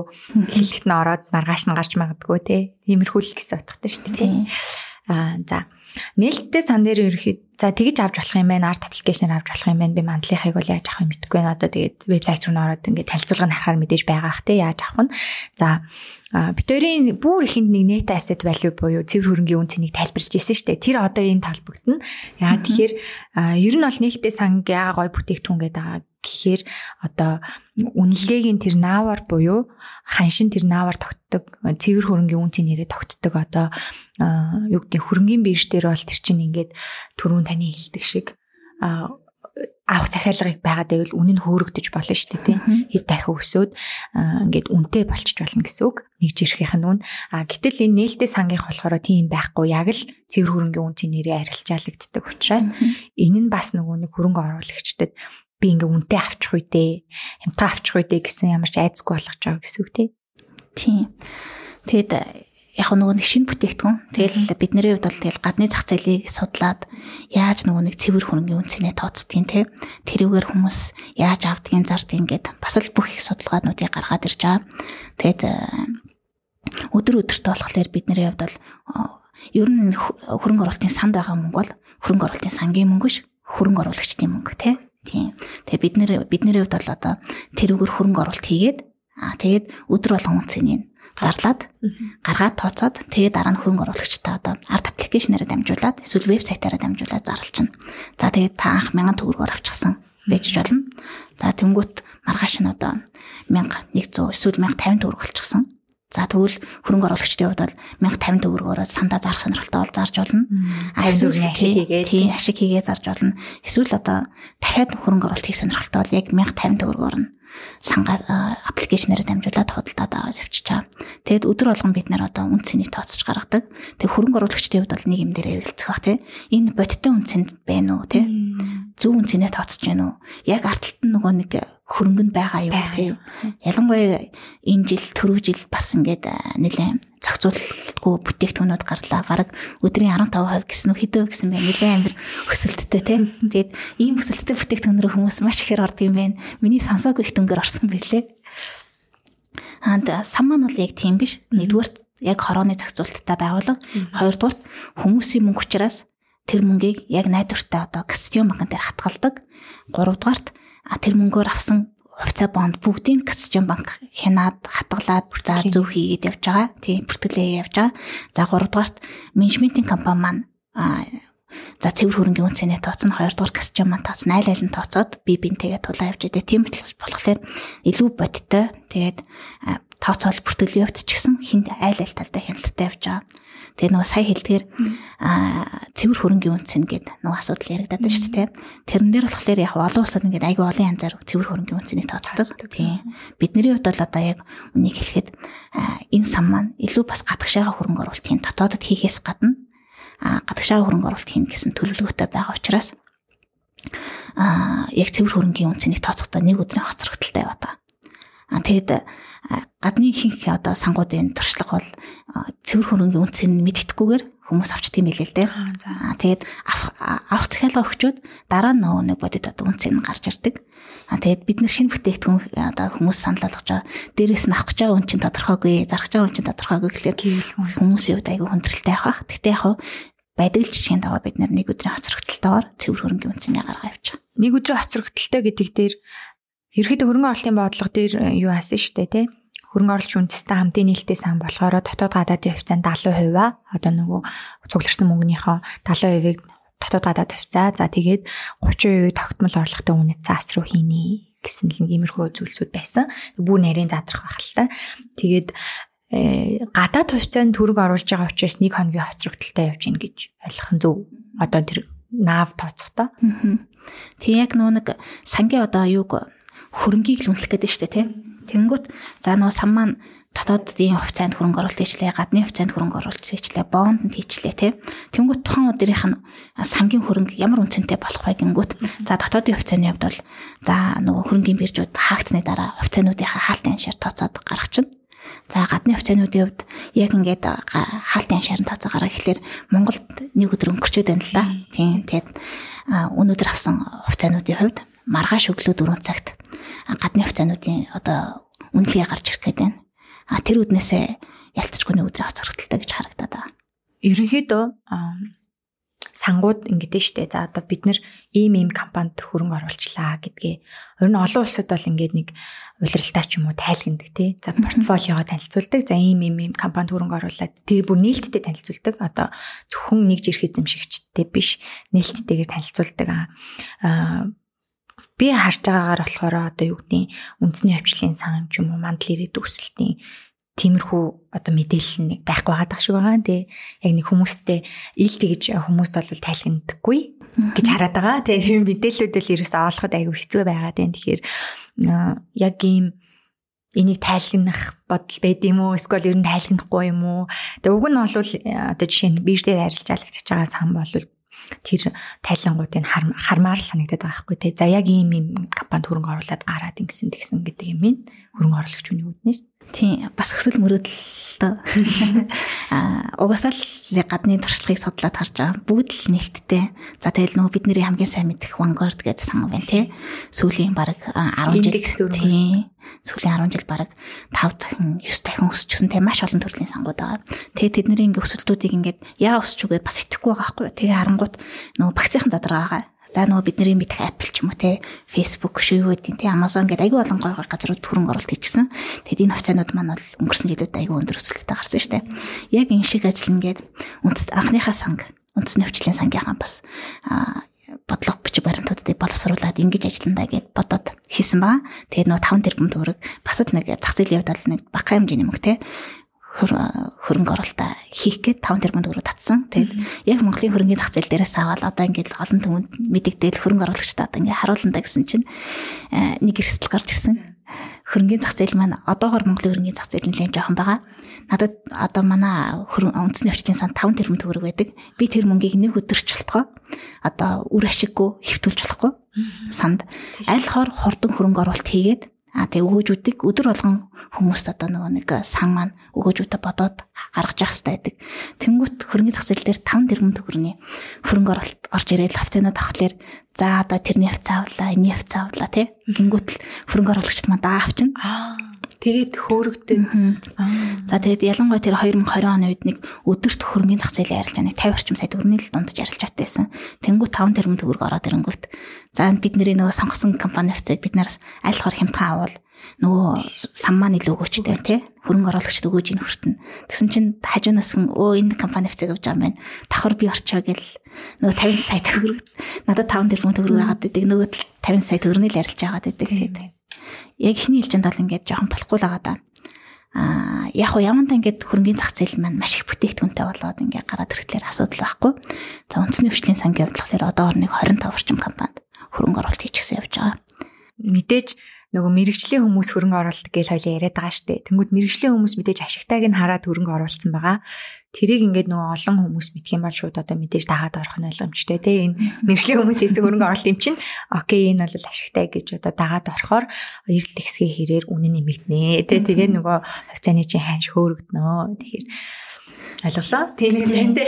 Тэрнээс гол одоо яг тэр навсан хувьцаанууд бондууд бүгдээрээ ксчан дээр хатгалагдаж байгаа байхгүй юу. А тэр мэдээллүүдийг бол хөрөнгөний бирж төсөл хороо хоёр бол банк аваа хийнэ авж байгаа.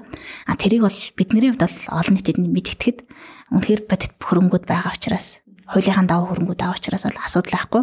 Харамсалтай надад үн хөрөгдчихвэл гэдэг л асуудал байгаа. Тийм юм байна. Окей. Гэхдээ ер нь бол ирээдүйд бол тэр олон бүтээгдэхүүн гарч ирэхэд бол тайлгнахад бол асуудал болно тий. Олон улсынхаа жишгээ нээлттэй байяа л гэж байна шүү дээ. За яг энэ нээлттэй хөрөнгө оруулагч үндэстэн нээлттэй сангийн хөрөнгө оруулалтын бодлого дээр нэг хит хитэн компаниудыг дурдсан байсан. Өөрсдөө танилцуулга дээрээ тий бид нэр ийшээ ийшээ орноо гэдгээ нэг хилдэг нэг компаниуд байна тий. За тэн дээр болгоод TRQ За бидний мэдхээр оюутлогоо хувьцааг эзэмшдэг TRQ, Tesla, Apple гэл байна л да тийм ингээд бит Апу, Төмөн шоу, Таан банк, Хас банк, Голомт банк, Говь, Монс хүнс гэд ингээд танилцуулга дээр нь юу нь бол байгаа. Тэгэнгүүт TRQ болохоор сүүлд жишээ нь яг энэ өөрчлөгдөж болох бах та хэд ингээ янз бүрийн шалтгаанаас л TRQ жишээ нь ингээ авлаа гэж бодоход одоо Tinto-гийн саналаас татгалзах үед хувьцаануудын тогтсон муунаал дээ. Тэгсэн чинь Tinto дахиад санал нэмээд үнийн дүнгээ нэмсэн чинь хувьцаан дахиж өсч өсөөл те. Одоо жишээ нь ингээл харахад хувьцаа бол тийм ийм байгаа хгүй бүр ингээд ингэж өсч ингэж ингэж явахаар айгүй эрсдэлтэй санагдчихж байгаа жишээ нь. Тэгэхээр ийм тохиолдолд та хэд ер нь ямар хуу эрсдлийн менежмент хийх юм бэл. Энэ нөгөө нэг танилцуулга дээр бид нэр хүмүүст ойлгох хүүднээс ингээд жишээ аваад жишээ аваад тавьчихсан. А гэхдээ одоо яг над тавцаануудыг харах юм бол бид нэр яг хөрөнгө оруулалтын бодлого дээр юу тусахыг илүү зорьсон бэ гэхлээр энэ удаагийн сан маань л илүү доктортой өсөлтийг үзүүлнэ. За ер нь бол нөгөө нэг анхны нөгөө мянган төгрөгөөс унахгүй байхын тулд бид нар одоо яг нөгөө боломжтой хуваар хаана хаана хөрөнгө оруулалт хийх үү те. А хоёрдугаарт а ямар ямар компаниуд хөрөнгө оруулалт хийх үү гэдэг бодлого нь байгаа даа. За жишээ нь одоо нийт хөрөнгөний 40 орчим хувь дээр бид нэр тогтмол орлоготой үнэт цаасууд илүү бандууд те илүү өндөр зэрэгэлтэй бандууд хөрөнгө оруулалт хийн. Инхлээр нийт багцын маань 40% нь тогтмол өсөж явна гэсэн үг. За үлдсэн 60% дээр нь болохоор илүү бид хэд нөгөө нэг ликвидит хөрөх чадвараа хангах үднээс За гадны хувьцаанууд, за сүүл нь дотоодын хувьцаанууд авна гэж байгаа. За энэ хувьцаанууд дээр ямар хувьцаануудыг бид нэр авах вэ гэхлээр өмнөх сан бол илүү өсөлттэй компаниудын хувьцаа авч ирсэн бол энэ сан бол үйл ажиллагааны илүү тогтворцсон. Баян ногдол ашиг өгдөг. А тийм компаниудын хувьцааг бид нэр өгнө. Авъя гэсэн төлөвлөгөөтэй яг ингээд илүү доктортой компанид хөрөнгө оруулах шүү гэд оролцоод байгаа зүгээр тэр нь тэнд бол жишээнүүд харагдаад байгаа. Яг хоо одоо энэ эрсдлийн юуг асуух гэдэг маань аа за жишээ нь та хэдий авсан нэг бонд дефолт болоо тий бонд дампуураад одоо юу гэдэг нөгөө төсөл дампуураад ч юм уу эргэн төлөлтөй хийж чадахгүй болох. Ер нь бол эрсдэл гэж байгаа шүү дээ. Юу ч тохиолдож болно те. Дэлхийн нийтэд одоо цар тахал тохиолддог шиг юу ч тохиолдож болох учраас за тэнгуү та хэдий авсан нэг бонд дефолт болчлоо. Нэг компанийн хувьцаа унаад те бүр одоо саяны юу гэдэг жишээ шиг ингээд ингэж өсөж янз бүр болоод байлаа гэж бодъё. Тэгэхэд ямар эрсдлийн менежмент гэдэг. Ер нь бол яг нийтлэгээр нэг компанид оруулах нэг хязгаар гэд нэг байдаг шиг санагдаад байна тий. Бүх хөрөнгийнхөө хэдэн үеийг хичээлээ. Тэрэн шиг ер нь эрсдлийн менежмент одоо нэг авсан бонд чинь дефолт очлоо гэхэд яах вэ? Бас л энэ дээр бид хэд нөгөө нэг гадныхаа туршлагуудыг судлаад хөрөнгө оруулалтын бодлого аа тэгээд чаашлаад илүү хөрөнгө оруулалтын наривчлсан төлөвлөгөө гэж жил болгон гаргаа явдаг. Аа тэр төлөвлөгөөн дотроо оруулах хөрөнгө оруулалтын секторууд за ямар секторууд нэрсэлтэй тий. Аа тэгээд айл ал секторуудад одоо оруулаад явхад айл ал хугацаанд оруулаад явхад хин хин ямар эрх үүрэгтэй оролцдог ингээд а тэгээд үүсэх эрсдлүүдийг ямар төвшөнд барих ингээд бүх юмнуудад ингээд тодорхой заагаад өгөөд тухайн жилдээ батлаад явдаг манай сангийн менежерүүд А тэгээд яг үндэсний өвчлөлийн сан дээр бол энэ жишгээр авсан. Шинэ сан дээр ч гэсэн бид нэр энэ жишгээр явъя гэж харж байгаа. За тэгээд саний хэлдгээр мэдээж юу гарч ирнэ эрсдлийг тооцоход стандарт хазаалт гэдээ гарч ирж байгаа шарпер шарпи ratio гэд энэ асуудлуудыг бол гаргаж ирээд явна а хоёрдугаарт бол яг сайн хэлдгээр нөгөө юунуудаа нэг салбар нэг компанид хөрөнгө оруулалт хийх хязгааруудыг тавиад өчтдөг. Ингэснээр одоо за жишээ нийт сангийн хөрөнгийн 5%-ийг нэг компани хувьцаанд оруулна. Тэрнээс дэше хувийг оруулж болохгүйгээд за энэ юу гэсэн үг вэ гэхээр сангийн нэг компани одоо дампуурлаа гэхэд сангийн хөрөнгийн 5 хүртэл хувийн эрсдэлд орно л гэсэн үг. Аа тэгээд нэгдүгээр сангийн менежерт бид нэр эрх үүргүүдийн заагаад өчөж байгаа. За тэгээд эрсдлүүдийн ямар хэмжээний эрсдэлтээр за хөрөнгө одоо 10% эсвэл 5% ч юм уу те унахад сангийн менежер тэрэн дээр менеж хийн илүү хувь унах юм бол одоо хөрөнгө оруулалтынхаа хороотойгоо зөвшөлтөн. За тэгээд цаашаа ингээд дахиад уналтууд гарч ирэх юм бол хуулийн дээр тодорхой байгаа. Анх гаргасан хөрөнгийн 40% хүртэл доош унсан тохиолдолд бүр хувьцаа эзэмшигчдийн хурлыг хуралдуулах хүртэл арга хэмжээнүүд ингээд шат хараад арга хэмжээнүүд байдаг. Тэрнийхээ хүрээнд ажиллана. Тэгээд тэр санд мөнгө өгсөн хүмүүс хөрөнгө оруулалтын менежментийн компаниас сольж болдог байхаа тий. Сольж олно, татан болгож олно. Ягаад гэвэл тэдний өрөнгө тий. За яг хаалтайсан бол ингээ бийж дээр зараад хүн байвал аваад тий ингээд авах зарах захиалга тэнцээд ингээ гараа авчиж болж байна. Нээлттэй сан болохоор хөрөнгөний бийж дээр биш хөрөнгөний бийж гинэ. Хөрөнгө оруулалтын менежментийн компанид зараа гарна штэ тий. Тэнгүүд одоо нэг хүнд ийм дээд хязгаар гэж байд юм уу? Жишээ нь 3 тэрбумын хөрөнгө татан төвлөрүүлэнгүүд би ингээд тэрбум төгрөгөөр орсон байлаа. Тэгчмүүд би тэрбум аваа гарах гэдэг байхгүй юу? Айгу том дүнгээр гинт гар авчин гэсэн үг шүү дээ. За мэдээж liquidity буюу тэр дүнгийг нь гаргаж өгөх ингээд эрсдлийн менежментүүд бол байгаа. Гэхдээ одоо тийм дээд дүн, доод дүн гэж би байд юм уу? ийм эрсдэл байж тээ тэр бомоор орсон гараа авчвал. Ер нь бол хөрөх чадрын асуудал бол за банкнд байгаа тий та банкнд хатгаламж хийчдэг, банк зээл гаргацдаг, мөнгөө нэгсэн чинь зээлэг тийм нөгөө зээл нь төлөгчий танд өгнө гэд тэнгуут банкн дээр хөрөх чадварын эрсдлийн удирдлагын харьцааг тооцоод өвчөж байгаа. Зохицуулаад даатгалын компани байна. Та машина даатгачдаг те. За нөгөө нэг даатгалын нөгөө асуудал нь гараад ирэхлээр нөгөө нэг даатгалсан хүнээс хэд дахин хэмжээний мөнгөөр та хохирлоо барагдуулна те. Нөгөө даатгалын компани тэр мөнгөө гаргаж өгөхгүй бол яах вэ? Тэнгуут ялгаагүй л одоо бас хөрөх чадварын эрсдлийн асуудлаа шийдэж байгаа. Энтэй ажиллах санд ч гэсэн бас яг ялангуяа нээлттэй санд бол яг энэ асуудал тулгардаг. Тэгэд энэ асуудлын хувьд болохоор мэдээж нөгөө нэг олон улсын бас нөө зөвлөмжүүд байна. За бараг дэлхийн 100 гаруй газар зохицуулагч байгууллагуудын нэгдсэн IOSCA гэдэг одоо нэг тийм юу байдаг organization холбоогч юм уу те байдаг. Тинчэнээс бол одоо яг нээлттэй сан дээр хөрөг чадвар эрсдлийн харьцааг одоо зохицуулахтай холбоотой бараг 9 арга хэрэгслүүдийг дурдаад өчгсөн. Энэ дундаас бол бидний хувьд бол 6 7-гийн өөрсдийнхээ дүрм журамдаа аваад ашиглаад явж байгаа. За тэгэл нөгөө нэг э, сая хэлдгээр муу хөрөх чадвартай хувьцаанд оруулах хэмжээгээ багасгаад өчсөн. За хөрөнгө оруулалтын нөх хит төвлөрлөө бас хязгаарлаад өчсөн тий. А дээрэс нь одоо авах зарах дээр э, одоо шимтгэл тавиад өчнө. А тэгээд үнэхээр одоо э, яг тухайн өдрөө биелүүлж чадахгүй нөгөө маань мөнгө тэрбум төгрөг авъя гэсэн чи бид нар биелүүлж чадахгүй хам бол тэрийг төрд одоо нэг 7 хоногор ч юм уу хойшлуулдаг тийм.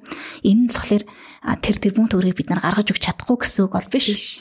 Зөвхөн бид нар гадаад тэрбум төгрөгтэй тэнцэх хэмжээний гадаадд хувьцаа, дотоод хувьцаагаа зараад буцаад Монгол мөнгө оруулж ирэх хэмжээний тэр хугацааг л бид нар одоо нэг 5 хоног юм уу 7 хоногор хойшлуулж өгч байгаа. Нэг тийм л асуудлууд байгаа. Тэгэд хөрөнгө оруулагч үндэстэн сангийн хувьд болохоор сан сангийн нэг жирхийг авахд бол ямар нэгэн шимтгэл бол байхгүй. А гэхдээ та зархад 2.5% шимтгэлтэй байгаа. Аа тэгэхээр энэ бол одоо яг саяны хэлдгээр хөрөх чадварын бас нөгөө нэг зохицуултын нэг арга хэрэгсэл болж өгч байгаа.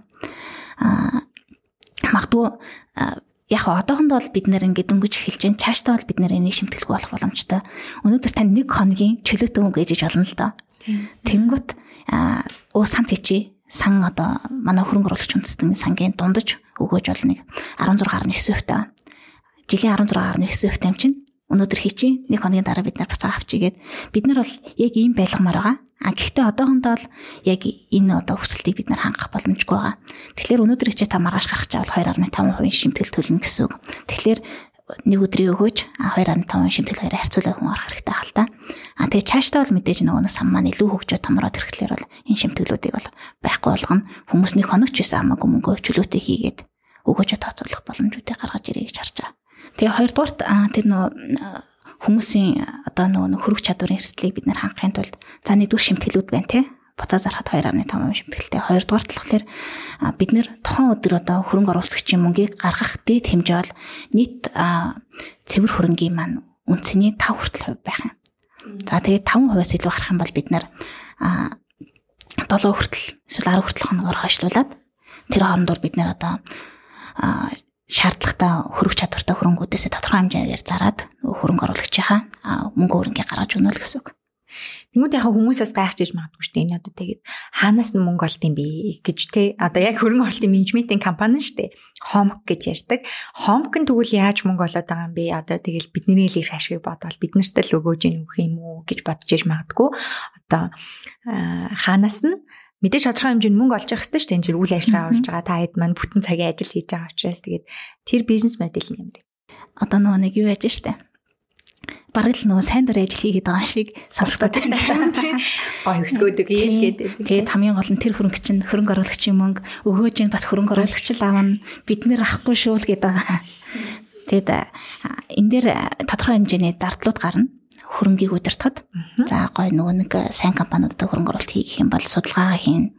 За тэгээд нөгөө нэг хөрөнгө маань хөрөнгө оруулагчдын мөнгө учраас менежментийн компани одоо дур мэдэн цахим зарцуулж болохгүй. Тийм болохоор тусдаа Гасчан банкн дээр хатгалагдана.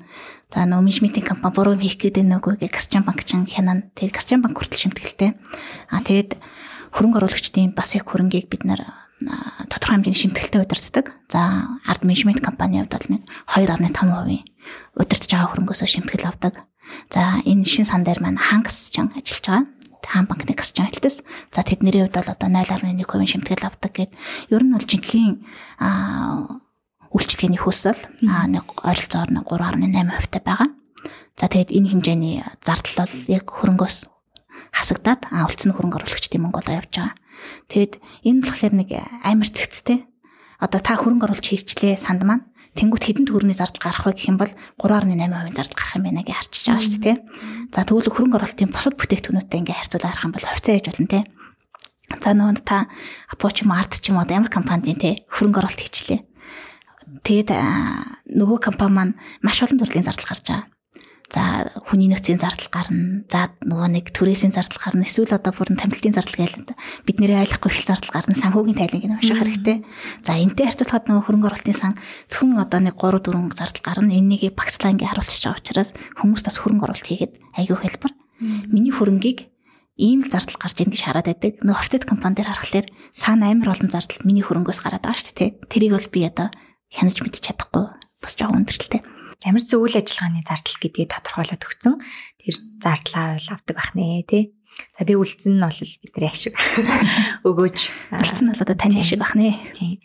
А гэхдээ бол яг уу одоо юу гэдэг за хөрөнгө оруулалтын менежментийн компани гэдэг нь яг юм хөрөнгө оруулалтын санг удирдахаар ингэж байгуулагдсан тийм тустай компани байгаа. Тэгээд яг энэ хөрөнгө оруулалтын сан гэдгийг байгуулаад сангийн менежер гэдэг хүн хөрөнгийг удирддаг аа тий. Одоо хөрөнгө оруулалтын шийдвэрүүдийг гаргадаг. За олон улсад бол энэ сангийн менежерүүд бол маш өндөр шалгуурууд тавигдчихэд аа тий.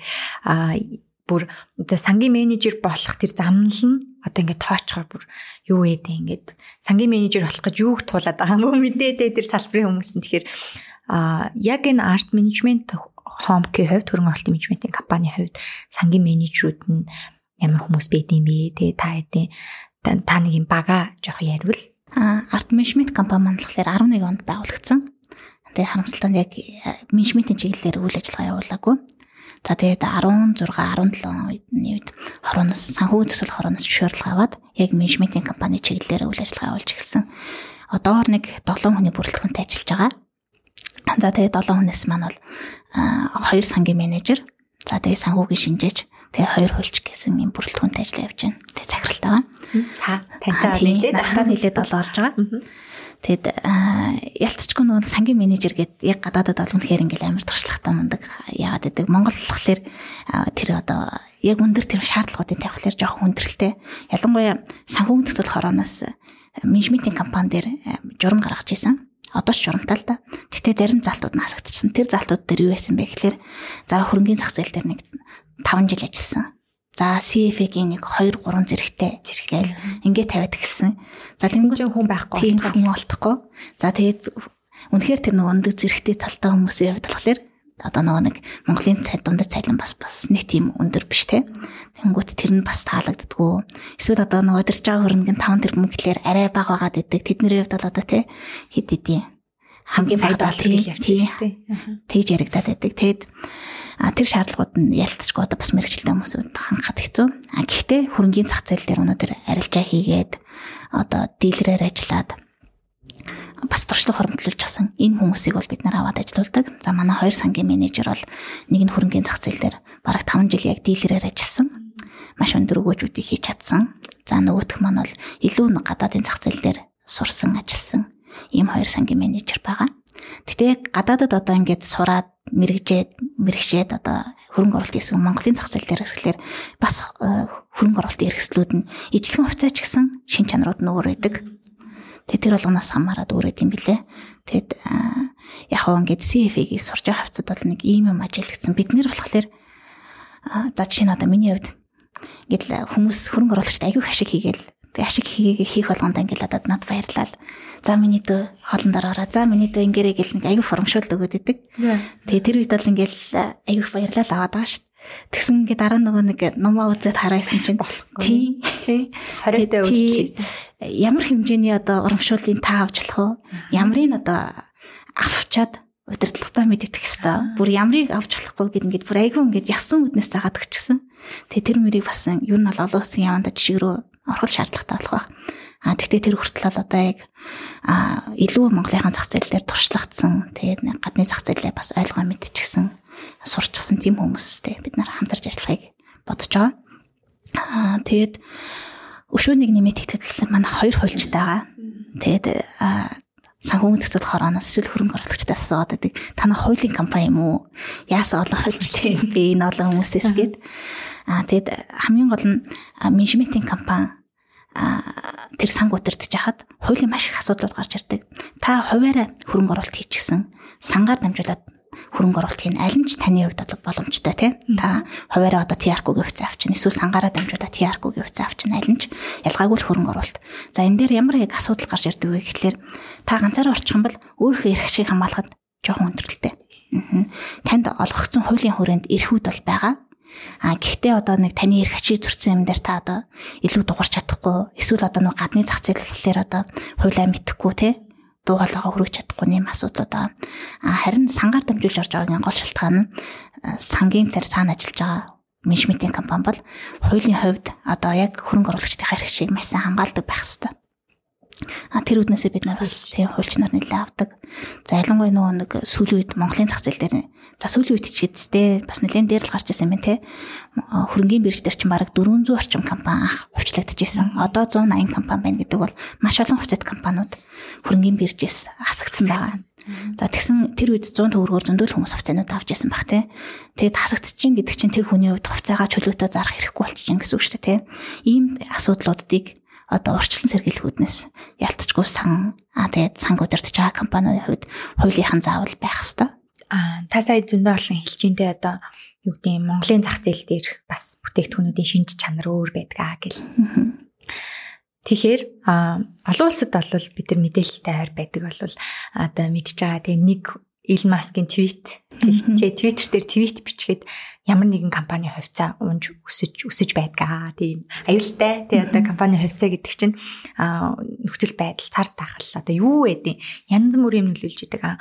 Монгол одоо та бол нэг ялангуяа Монголын зах зээл дээр дагнан удаан ажиллаж байгаагийн хувьд те Монголд бол яг Twitter-ээс шалтгаалж өсөж унаад идэх нь гайгуулах л та. Гэхдээ одоо worst case буюу муу тохиолдолд те ямар тохиолдолд ингэж савлах боломжтой байдаг вэ? Ер нь Монголын нөхцөл байдал. Гэхдээ яг мэдээж нөгөө нэг муу мэдээ гарвал банкч өгөн сайн үйл ажиллагаа явуулж байгаа ч гэсэн дампуурчдаг гэдэг нэг тийм яриад шүү дээ. Мэдээнээс яллаа. Хаа нэлээ нэг тийм зураг байгаад байдаг. Зүгээр банкны гадаа хүмүүс мөнгө авч чадахгүй очирч гэсэн тэр банк зүгээр л үйл ажиллагаа болж исэн. Тэгээд тэрийг хараа хүмүүс мөнгө төлж чадахгүй байна гэд бүгд мөнгө аваад бүгд зэрэг мөнгө авахлаар нөгөө банк манд дампуурчиж байгаа тийм. Тэгэхээр мэдээ бол хаанч нөлөөтэй хүчтэй. За тэнд гадаад ч гэнэ үү Монголд ч гэнэ үү яг уу нөгөө нэг бүтээгдэхүүний нөгөө шин чанар нь гэдээ яриад байгаагийн гол шалтгаан Монголын ихэнх хувьцаат компаниуд ингээд төвлөрөл айгүй ихтэй. За нэг 60 70% нь э, гэр бүлийн ер нь бол хиндийг эзэмшдэг. Заавалцсан цөөхөн хувь нь хөрөнгөний бирждэр олон нийт эзэмшээ явж идэг.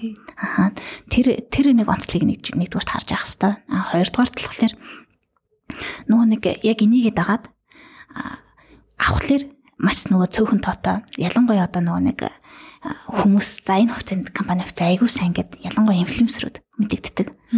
Аа гэтэл нөгөөд чинь нөгөө зах зээл дээр маш цөөхөн тоош хэрэгтэй байгаа учраас тэгээ мэдэгдээд яачлаар их олон хүмүүс зэрэг аваад богино хугацаанд төсчдөг.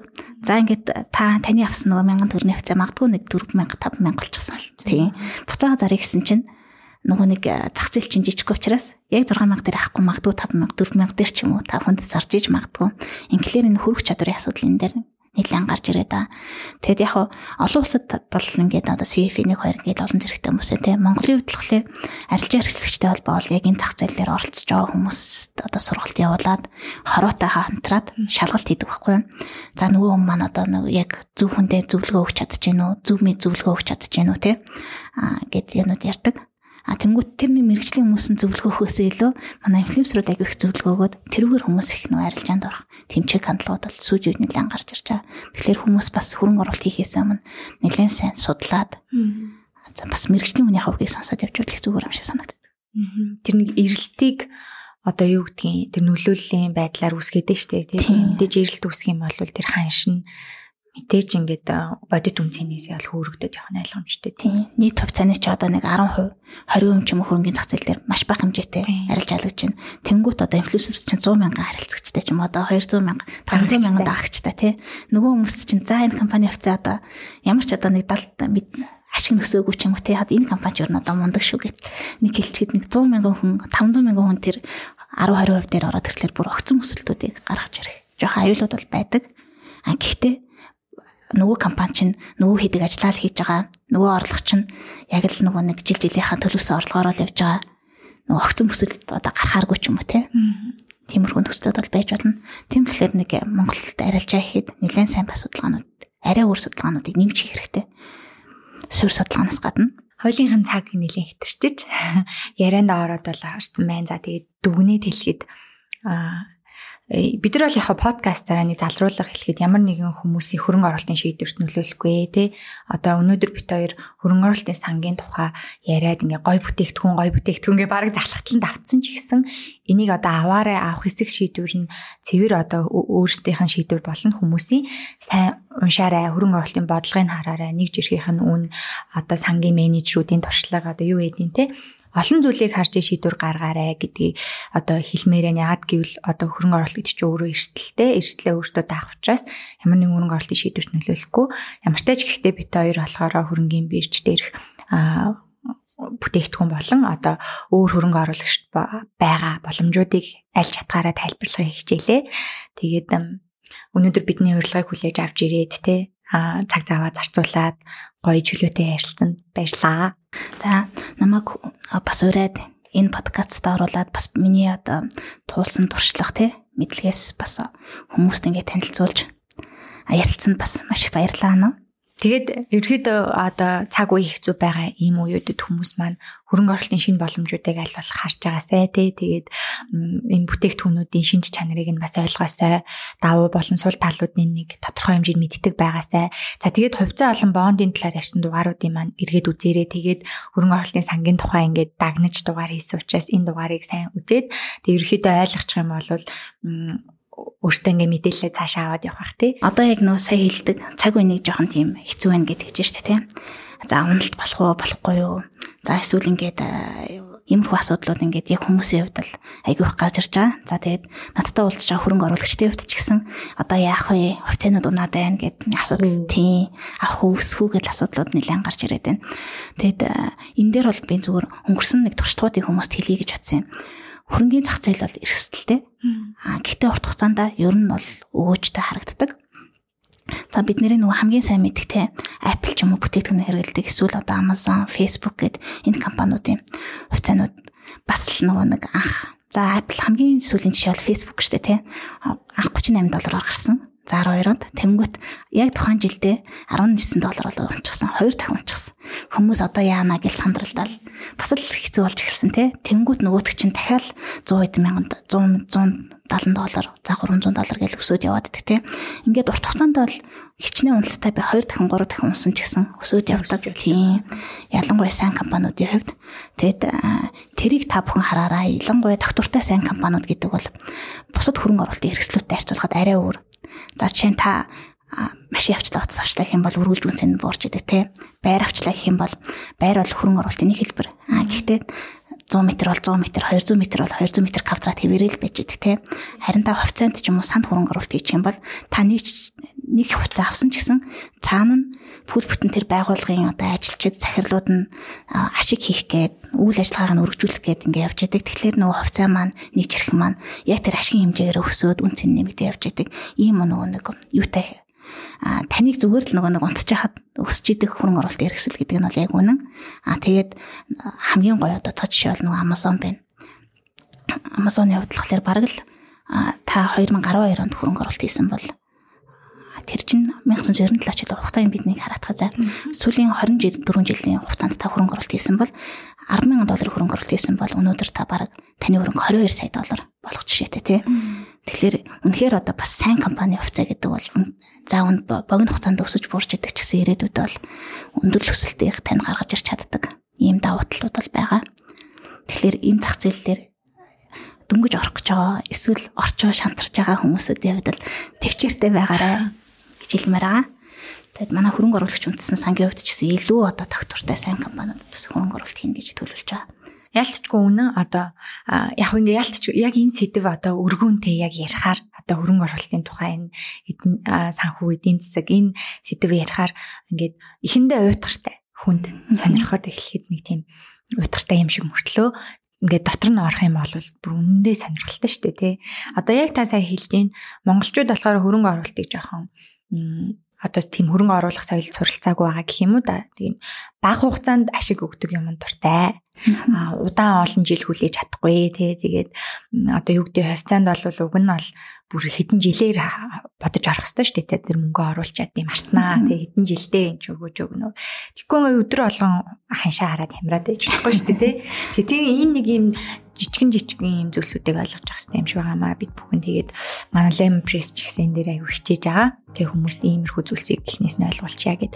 За тэг яг бид хоёр бол ийм үргэлжлүүлээд яриад байхад хэдэн цагт хамаагүй ярьж чадах юм шиг байна. Тэгээд ихтэй одоо тусахаас өөр арга алга тэгээд хугацаатай юм одоо юм маань подкаст маань Гэхдээ манай бусад дугаарууд дээр одоо бит хоёрын сайн ярих гад ингээд зохицуулаад байгаа юмнуудыг ерөөхдөө нэг нэг яриад жоохон явах явсан учраас аа сонсож байгаа хүмүүс маань үдчихэж байгаа хүмүүс маань бас өөртөө хайгаад яг ингээд гой гой дагнсан дагнсан дугааруудыг олоод үзээсэй гэж бодож байна. За ингээд таялаад дуусгая. Тэгээ дуусгая гэж хэлээ дахиад хөргөлжлээ. Одоо яг надад дахиж асуулт гарч ирэх гээд байгаа байхгүй юу? Хүчээр дуусгахаас. За баярлалаа. Мөн подкаста дуустал нь сонсон лимончуудтай баярлалаа. Монголын хөрөнгөний биржээс Wall Street захиурын хөндий хүртэлх дотоод гадаадын бизнес санхүүгийн мэдээ мэдээллийг ажлын өдөр бүрийн өглөө 7 цагаас авахыг хүсвэл Limon Press-ийн минь вебсайтад хандаад имэйл хаягаар бүртгүүлэхэд хангалттай шүү.